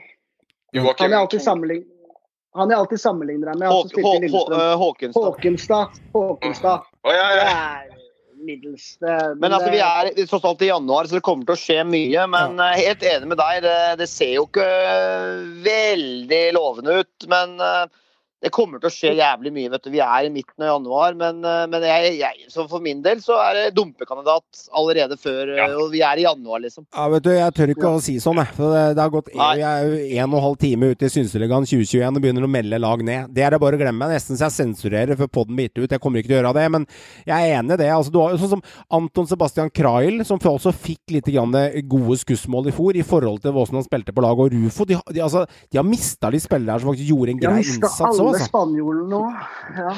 Men, men funny, vi snakka sånn her før sesongen, og de, de, de bare pissa på alle som meldte dem ned, så Men da var det Sifuentes og teamet hans, og nå er det Hansi Ødegaard og Tegstrøm, liksom. Så det lukter ikke Det lukter litt som der, eh, han der gamle svenske spissen på Lillestrøm, han som var der før. Herregud, da. Ja. Hva heter han for noe, Johan, som spilte med Clayton Sane? Magnus, Magnus Powell. Powell. Magnus Som, Powell. flopp, som flop, floppa totalt i Sandefjord. Det. Poweren, ja. Eh, det lukter litt sånn fiasko, spør du meg, med Hansi og Tegstrøm, altså. Sånn er det. Eh, og så har vi Godset, da. Eh, klubben som signerte opp nesten alle spillerne som skulle bli målpoengspillere i 2020 til 2021. Så dere gjorde egentlig ryddejobben du, i overgangsvinduet, Joakim. På sommeren så tok jo Godset og signerte opp alt som krøyp og gikk av sine egne spillere, og sikra seg. Kan det ha vært et sjakktrekk de gjorde for å, for å sikre seg at de hadde gode noen spillere til 2021, eller har de signert litt for mange av de spillerne som egentlig sørget for at du havna der du gjorde på tabellen nå? Nei, eh, i utgangspunktet ikke. Altså, jeg, jeg føler liksom at jeg tror både spillerne og alle er på en måte litt sånn enige om at altså, laget gjorde at de havna der de gjorde. Mm. Uh, det, var litt, det er samspill og litt forskjellige ting inn. Eh, jeg tror ikke Godset kommer til å gjøre noe særlig i det hele tatt uh, i våres. Jeg tror ikke de har økonomien til å gjøre noe særlig heller, så det er veldig enkelt. Jeg tror ikke De kan ikke hente spillere. Uh, det er det vanlige, tenker jeg. Altså, her blir det å lete etter stort sett å lete etter talenter. Uh, det blir å lete etter unge spillere som kan heve laget, som kommer inn og kan de, de kan få inn på en billig penge. Jeg tror heller ikke det kommer til å gå noe særlig spillere ut. Det tror jeg ikke. Men eh, nei, det, jeg tror det blir en voldsomt kjedelig overgangsvindu for uh, meg som supporter. Helt enkelt. Men jeg regner jo med at han godeste Pedersen drar opp tre-fire dansker fra hatten et eller annet sted, da, som han klarte å finne. Ny som Mølvagård. Som, ja, men vi kan få, men håper heller vi får en ny Maigård. da. vi kan jo håpe at det som kommer inn er en ny Maigård, ikke en ny Mølvagård. Så er jo mye gjort. Men, altså, det er litt... altså, jeg mener jo godset må hente. Så blir det ny bunnstrid. Altså. Der må det komme noe mer kvalitet inn. Der er det tynt. Altså, de, de, må få inn, altså, de må, må, jo få inn en, de må jo få inn minst én stopper, helst to stoppere. Det er jo pri nummer én. Jeg har liksom ikke så lyst til å si så voldsomt mye om angrepet til godset, egentlig. Altså, de var ineffektive, de var dårlige, men begge to har, altså de som har spilt det, har også vist før at de kan bedre. Så jeg tror mye av, kanskje mye av grunnen til fjoråret var rett og slett at laget eh, ikke presterte som lag. Eh, og da går det utover en spiss òg. Hadde de stopperne limt igjen litt mer, så hadde, hadde godset havna mye høyere. Med ro, i laget, med ro i laget. Da er liksom ikke den bommen din er ikke så jævla viktig, liksom. Nei. Eh, så nei, altså uten tvil, hovedpoenget er å få inn en til minst én, og helst to stoppere inn. Salvesen havna vel på ti skåringer, gjorde han ikke det? Ja, ja, han havna på skåringer. Han gjorde det. Skåra tre til slutt, da. Han, han sparte opp hele kruttet til slutt der. Hele bøtteballetten kom jo i den siste runden eller noe. Ja. Lammet til litt bak, så kan vi selvfølgelig håpe på en ny, litt mer effektiv spiss enn så lenge. Men uh, for all del, han kom seg på slutten, så hvis han kan dra det inn i 2021, så er ikke angrepet til godset noe Det er ikke noe krise det er det ikke. i godset. Det er det ikke. De, de har et, et slagkraftig angrep når laget spiller så nei, jeg håper på et par uh, forsvarsspillere inn. Uh, og så resten av laget kan egentlig bli. Meran? Ja. Nei, jeg syns du er litt defensiv, Joakim. Altså, ikke glem at det er klubbenes marked i år. Altså, mm. Det er en hel haug og drøss med Bosman-spillere. Jeg, jeg, kan se, jeg, kan starte et Krog-rykte, det liker Johan. Et skikkelig Krog-rykte. Det pleier å stemme òg. Pleier alltid å stemme. Ja, jeg melder Harmet Singh ja, til godset. Mm. Jo, det er greit, men nå skal det sies også at her går det litt på altså, merka Hva skal han i godset? Er ikke god nok for det? det er, tror jeg ikke han er god nok jo, til å gå. Han var jævlig god for Sandefjord. Ja, men jeg tror ikke han er god nok til å gå inn og prege det godslaget. Det tror jeg ikke han er. Han prega jo Sandefjord, som endte høyere på tabellen. Ja, jeg forstår det, men jeg tror ikke han er god nok i 2021 til å gå inn og prege det laget. Det er i fjor, det er ikke i år. Poenget er at du, det koster ikke Altså, det er lønn. Det er kun lønn. Du kan hente ja, da, Det er jo to A-lag med, med Bosman-spillere man kan hente på. Det er et fantastisk marked for, for godset. Da må de kvitte seg med noe nå. Da må de kvitte seg med riktige folk. Ledere, ledere Bjørdal. Ledere Bjørdal. Ledere Bjørdal er jo Er for gammel. Ja, ja, det kan du si han er for gammel. For én sesong. Valsvik hadde jo vært men igjen, Han bor her nede, Håvard. Ledere Bjørdal bor her nede. Det er én togtur, én svipptur. Det er ikke lange flytter. To, to sesong, ett og, et og et halvt år kontrakt altså, eller noe. Ja, da hadde jeg heller henta Tore, for å si det sånn. Ja, men han får dem sannsynligvis ikke. Nei, Nei han, han, får dem ikke. Han har, han har ingen interesse. Han har ingen interesse av å flytte til Drammen. vet du. Han, er, han bor i Trondheim, han bor med hele familien sin ti år der. Han vil jo til utlandet. Ja, ja. Det er sant, det. Ja, ja. Nei, men eh, jeg syns er spennende spiller. Eh, litt sånn shout-out. Eh, Han Valdimarsson han tror jeg kan få en god sesong. Han syns jeg er litt spennende. Men jeg Ja, veit jo at uh, Ja, han er han, spennende. han syns jeg er spennende islending på, på vingen der. Han syns jeg har en del i seg. Men uh, en spiller som jeg veit godset har vært på, det er El Barashani. Han, uh, han er på. Han er godset på. Men uh, han, han, vil, han vil også ut. ut. som mange andre. Men, men, men Elba er en de jakter.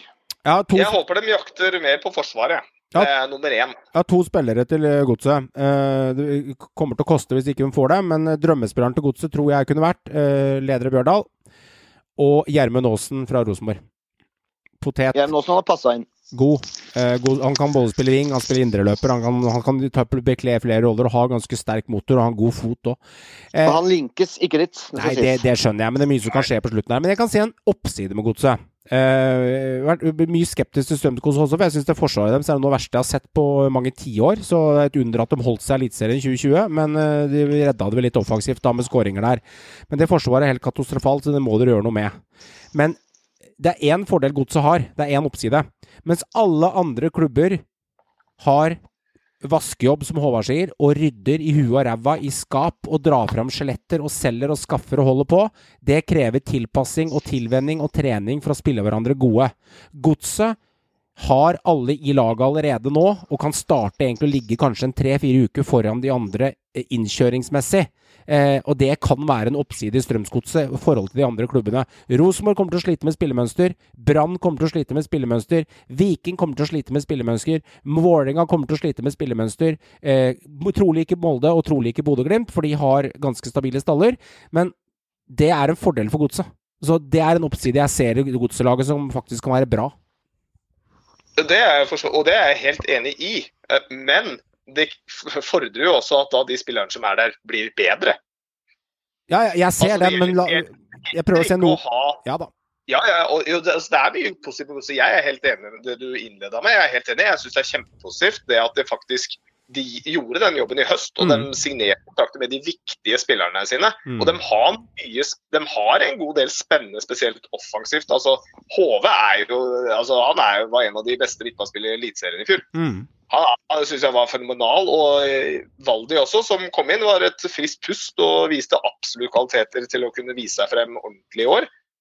Så det er som sagt vi Ja, jeg er enig. Få litt kontroll på de bakre leddene, og der må noen inn. Men det ser Flo. Han ser jo at de lekker som en sil. Mannen er jo ikke tjukk i huet. Han ser jo det. Det er jo Og de i fjor funka ikke bra nok. Da må man rett og slett få inn noen nye. Eh, og da er det spesielt midtstopperplass som er utsatt. Men, men Eh, bare, bare en longshot En spiller som du kan kjøre på et år- ettårskontrakt, longshot, kanskje et langskudd, kanskje ikke god nok, men en spiller som eh, eh, Lars Grorud fra Sandefjord annet er. Ah, ah, han Er ikke nær Nei, men jeg, får jo ikke lov å altså, jeg, jeg, får, jeg får ikke lov å stille spørsmålet før jeg blir slakta en gang! Det er som barneskolen, dette her. Spørsmålet mitt til dere er Nei, spørsmålet mitt til dere er Er det en spiller som kan gå inn og brukes som en benkspiller, og bare ha i rekkene eh, helt enkelt på en Hva er helt grei vitsen når du, har, når du har nok av benkespillere? Ja, men eh, Ja, jeg- og så- og så- ja, men er Godset sin benkespiller er- Jeg er litt usikker på om det kunne vært noe. Jeg bare nevner det som en liten longshot der. Jeg er litt usikker. Han har, har ikke lagt opp. Jo, han har det, men han, han vil egentlig ikke legge opp. Han vil egentlig ikke legge opp. Da, da, da vil jeg heller hente ledere Bjørdal. Da er det et bedre eksempel eh, på ledere Bjørdal, som tross alt har lederegenskaper. Leder Bjørdal er førstevalg, Håvard, men han er ikke sikkert de får. Jeg tror ikke han er noe førstevalg. Det tror jeg virkelig ikke han er. Men, eh, men det må inn en leder med kvaliteter, og det må inn en god stopper. Som er bedre enn de- dem de har. Det er, det er det. det. Og så tror jeg også at eh, Moses nesten Mava alle er bedre enn det de har, da. litt- Ja, ja, men han ligger litt tynt an, Moses Mava. Hvis det kommer Han må- De vet de jakter, de jakter kant, Ja. godset. Ja. De er ikke fornøyd med hva han har prestert. Men Eh, han er jo, eh, han, han er jo heller ikke noe, egentlig noe Han er jo ikke noe ordentlig kant. Altså, han gjorde, Nei, gjorde riktig. jobben greit i fjor uh, fordi han ble tvunget til å ta den rollen. Uh, ja, men men det, er, det er den rollen han har spilt i godset hele tida. Han skulle jo erstatte Ja. Pelle, han var jo ikke i nærheten. nei, det var han ikke. Men han, ja, han ville vel fungert mye bedre i min mening som en reservespiss til. Salvesen. Det er bare å ringe Frode Kippe. Da blir det fart i sakene her. Ja, eller Kjetil Wæler. Kjetil Wæler, Frode Kippe. Altså, Frode, altså, Frode Kippe hadde jeg nesten ville tatt legende. Selv om han er snart 50, så er bøtte kjedelig. Godset er nesten ingen ut og ingen, ingen inn. Ja, er kjempe- Fofana henta tilbake, da. Han uh, unggutten som jobba på Elkjøp. Ja, det er. Ikke så mye Herlig. silly season der ennå, nei. Herlig fyr. Men uansett, eh, det er lite der ennå. Men de får spilt inn laget, i hvert fall. Så får vi se om det ender med Grorud, Tore Ginussen eller er i Bjørdal. Det kommer til å skje. Ja, ja, ja. Ja, ja, ja. Kommer til å skje Det masse. kom, jeg lover, det kommer noen dansker. Jeg lover. Det er godt du kommer en ny latvier som heter, han heter Vanus, heter han som kommer inn i år. Ja, det stemmer. Jeg har et lettere navn å uttale, så er det greit. Mjøndalen, gutter. Eh, Betten Hansen, eh, Vetle Dragsnes, eh, Quint Johnson og eh, Var det branndøderen Andreas Hellum eh, som eh, røyk ut her? Så eh, MIF har jo faktisk eh, Diomando, Vamoti, stakkars, Vamoti, er ferdig. er ferdig ja. De Ja, stakkars. Ja, de, altså, de, øh, Mjøndalen klarte seg med nødskriket. Det var på det hanging snål igjen. eh, men de har jo kvitta seg med litt spillere. Og jeg føler Mjøndalen er litt sånn som Sarp de siste åra. At de har diska opp noen på slutten og fått noen spillere inn der. Det var ikke all verden i fjor heller, men de klarte akkurat å dra det i land. Men jeg, jeg, igjen skeptisk fra mitt ståsted akkurat nå. Det må, vi, det må vi være. Når du ender med kvalik, så er det lov å være skeptisk. Og øh, godeste treneren Hansen har, har vel liten sånn øh, vinterdepresjon akkurat nå etter noen uheldige greier som skjedde her, øh, som jeg fikk med på noen Twitter- Twitter-meldinger, uten å nevne det høyt. Så jeg vet ikke om de overgangsgreiene her kommer til å At han Altså, 2020, 2021 starta ikke på best tenkelig måte for Vegard Hansen, det kan vi si. sta- kondolerer, altså. Visegutt. Uff, det, det er kjipt. Nei, dette var ikke bra.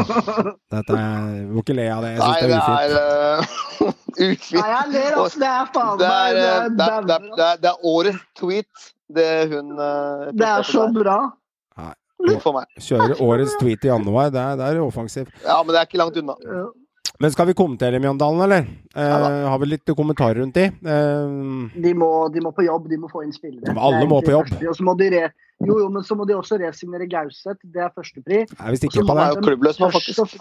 Ja, og så må de de må erstatte alle dem har mista. Fordi større stall enn det har de faktisk ikke. Det er mye de må her, hører jeg. det er egentlig veldig Ja, men skal du overleve, skal du ha en sjanse, skal du spille Eliteserien, så må du faktisk det.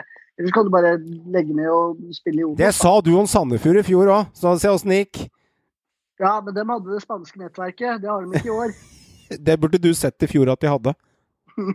Det dømte dem ned, du ditt svin. Men, eh, men altså, Mjøndalen har jo ikke mista noe med kvalitet, bortsett fra Dragsnes, som var en meget god back. Han må erstattes. Betten Hansen du- hadde jo litt, hadde litt kamper, da. Ja, men det er uh, Obos-nivå. Det er han. Obos- det er Obos-nivå. Eh, han har gått til Obos også, forresten. Han har gått til Fredrikstad. Gå til Fredrikstad. Ja. uh, Men Dragsnes er god. Han var god back, hadde en god sesong. Han er klar for Lillestrøm. eh, Men eh, igjen, må jo inn noen spisser der. Det må inn noe, eh, noe mer kvalitet over hele linja. Skal Mjøndalen bli noe annet enn et lag som er og kjemper om kvalik, så må det inn noe Mm. mer kvalitet. Og det er jo spørsmålstegnet. Klarer de å få på plass det med økonomien som er der og sånne ting? Det er jo veldig stort spørsmålstegn, da. Økonomien i Mjøndalen er faktisk ikke så eh, skakkjørt heller, faktisk, som eh, Vegard Hansen Neida, sa i fjor. Men i de har ikke til mye å rutte med. Nei, men det er ingen av de siste åtte klubbene vi har snakka om, da. Utenom Brann, som har litt å rutte med. Men det er ikke mye da, penger der heller. De signerer ikke sånne spillere som de Nei normale da, klubba rundt. jeg så ser det er den. liksom ikke det Jeg ser den. Nei, det er litt sånn mellom barken og en veden. hylle av de leter på, da. Og da er jo disse to herlige nye nyervervelsene våre, da. Det er Lillestrøm og Tromsø. Altså, vi starter med vårt kjære Lillestrøm. Velkommen tilbake til Eliteserien 2021. I år skal Synseligaen få lov til å eh, dømme dere opp og ned og nord og sida, øst og vest og til side og kant. Og det er herlig at dere er tilbake. Her er det en god del spillere inn, og en god del spillere ut.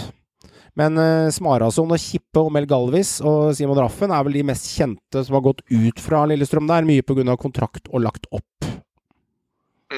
Kippe la, gjorde comeback og la opp igjen. Det var fint, for han fikk et opprykk, da. Det var bra for Kippe. Det er litt moro, da. Veldig bra. Det er litt moro der.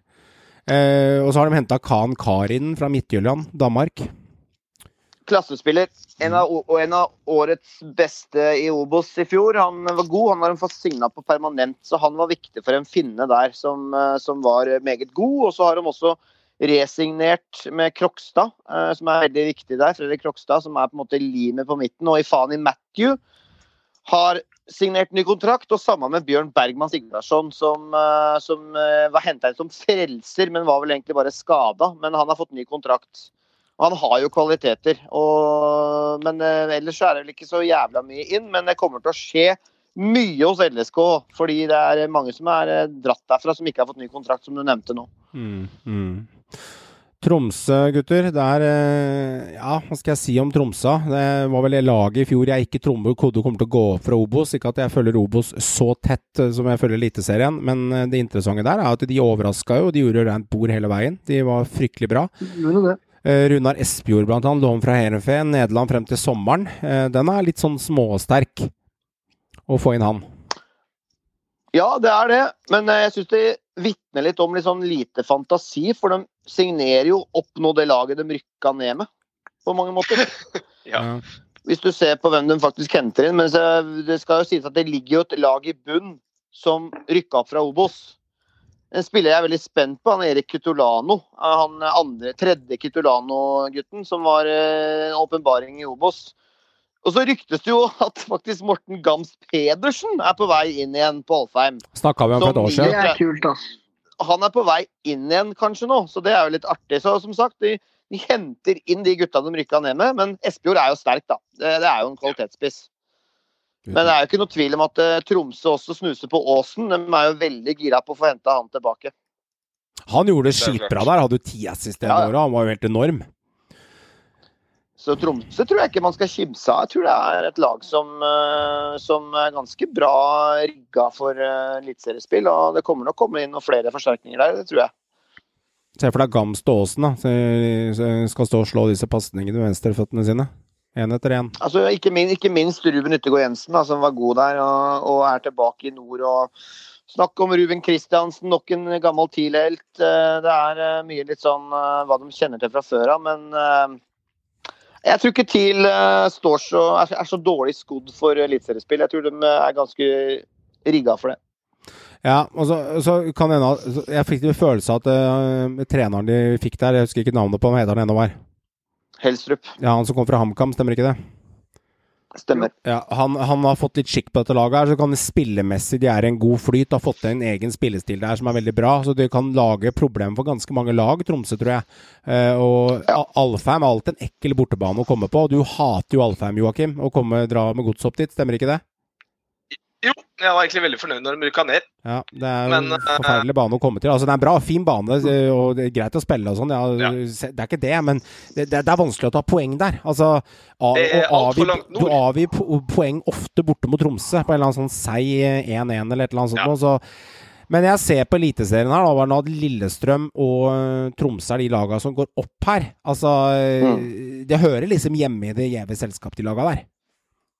Ja, altså absolutt. Jeg ønsker de velkommen uh, med stor uh, Holdt jeg på å si. Altså, jeg jeg, jeg syns det er fint at de er stor ved. Det var egentlig det jeg skulle si. Så bare datt det bort. Men uh, jeg syns det er deilig at de er tilbake. Jeg syns de hører hjemme her oppe. Ja. Det har vært igjennom alle laga. Vi skal trekke fram ett lag, gutter, eh, som dere føler akkurat nå er litt mer eh, skikka enn de andre i overgangsjakten. Hvis du summa summarum eh, inn og ut av spillere, hvilket lag er dere ser litt styrka ut? Vålerenga. Og Det er, det er forbehold for meg. Hvis Lajoni blir klar, så er det meget sterkt. Da syns jeg det er, ser spennende ut. Mm. Men jeg syns også at eh, Jeg- synes syns, jeg syns også at eh, han eh, godeste Stefano Vecchia Det er en morsom overgang som jeg har litt sånn, har litt sånn trua på, faktisk. Jeg bare har en sånn følelse at han er god. Jeg er litt spent på han sjøl.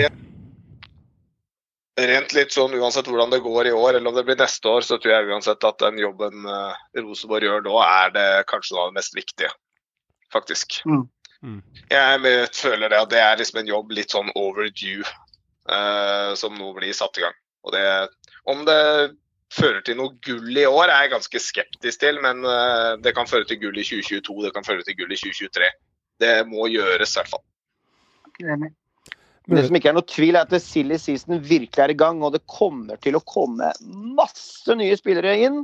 Og mange spillere som kommer til å stikke også før vi sparker i gang om 77 dager. Det kommer til å skje veldig mye inn og ut. Selv om det er et vanskelig marked, så er det som vi er inne, på flere ganger, det er en stor ryddejobb.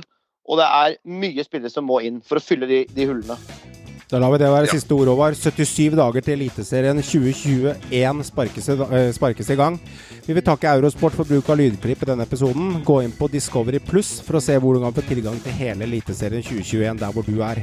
Tusen hjertelig takk for at du lytta til første episode av Synseligaen i 2021. Jeg håper du følger oss gjennom hele dette året, og er du Tromsø-supporter eller Lillesund-supporter i hver ende av vårt vakre, landstrakte land, velkommen skal du være til din første sesong som fan av eh, laget ditt i der hvor Synseligaen skal kommentere ditt lag gjennom hele sesongen. Takk for at du lytter til oss. Ha en glimrende kveld videre. Vi snakkes. Men det er jo ikke sånn at bohemen etter Vålerenga på 60-tallet At vi kan spille med de på 2020, i 2020. Det det er toppidrett i dag. Fucking joke, de der jævla måla vi slipper inn. Det er, det er piss. Vi har vært bunnsolide i, i hele oppkjøringa. Nå har vi sluppet inn ja, fire-fem pissemål. Det er jævla kjedelig å trene, så det er mye bedre å bare ligge og sole seg og så spille kamper. Så det her er perfekt. I wanted to wish you happy birthday, but it was already go, it go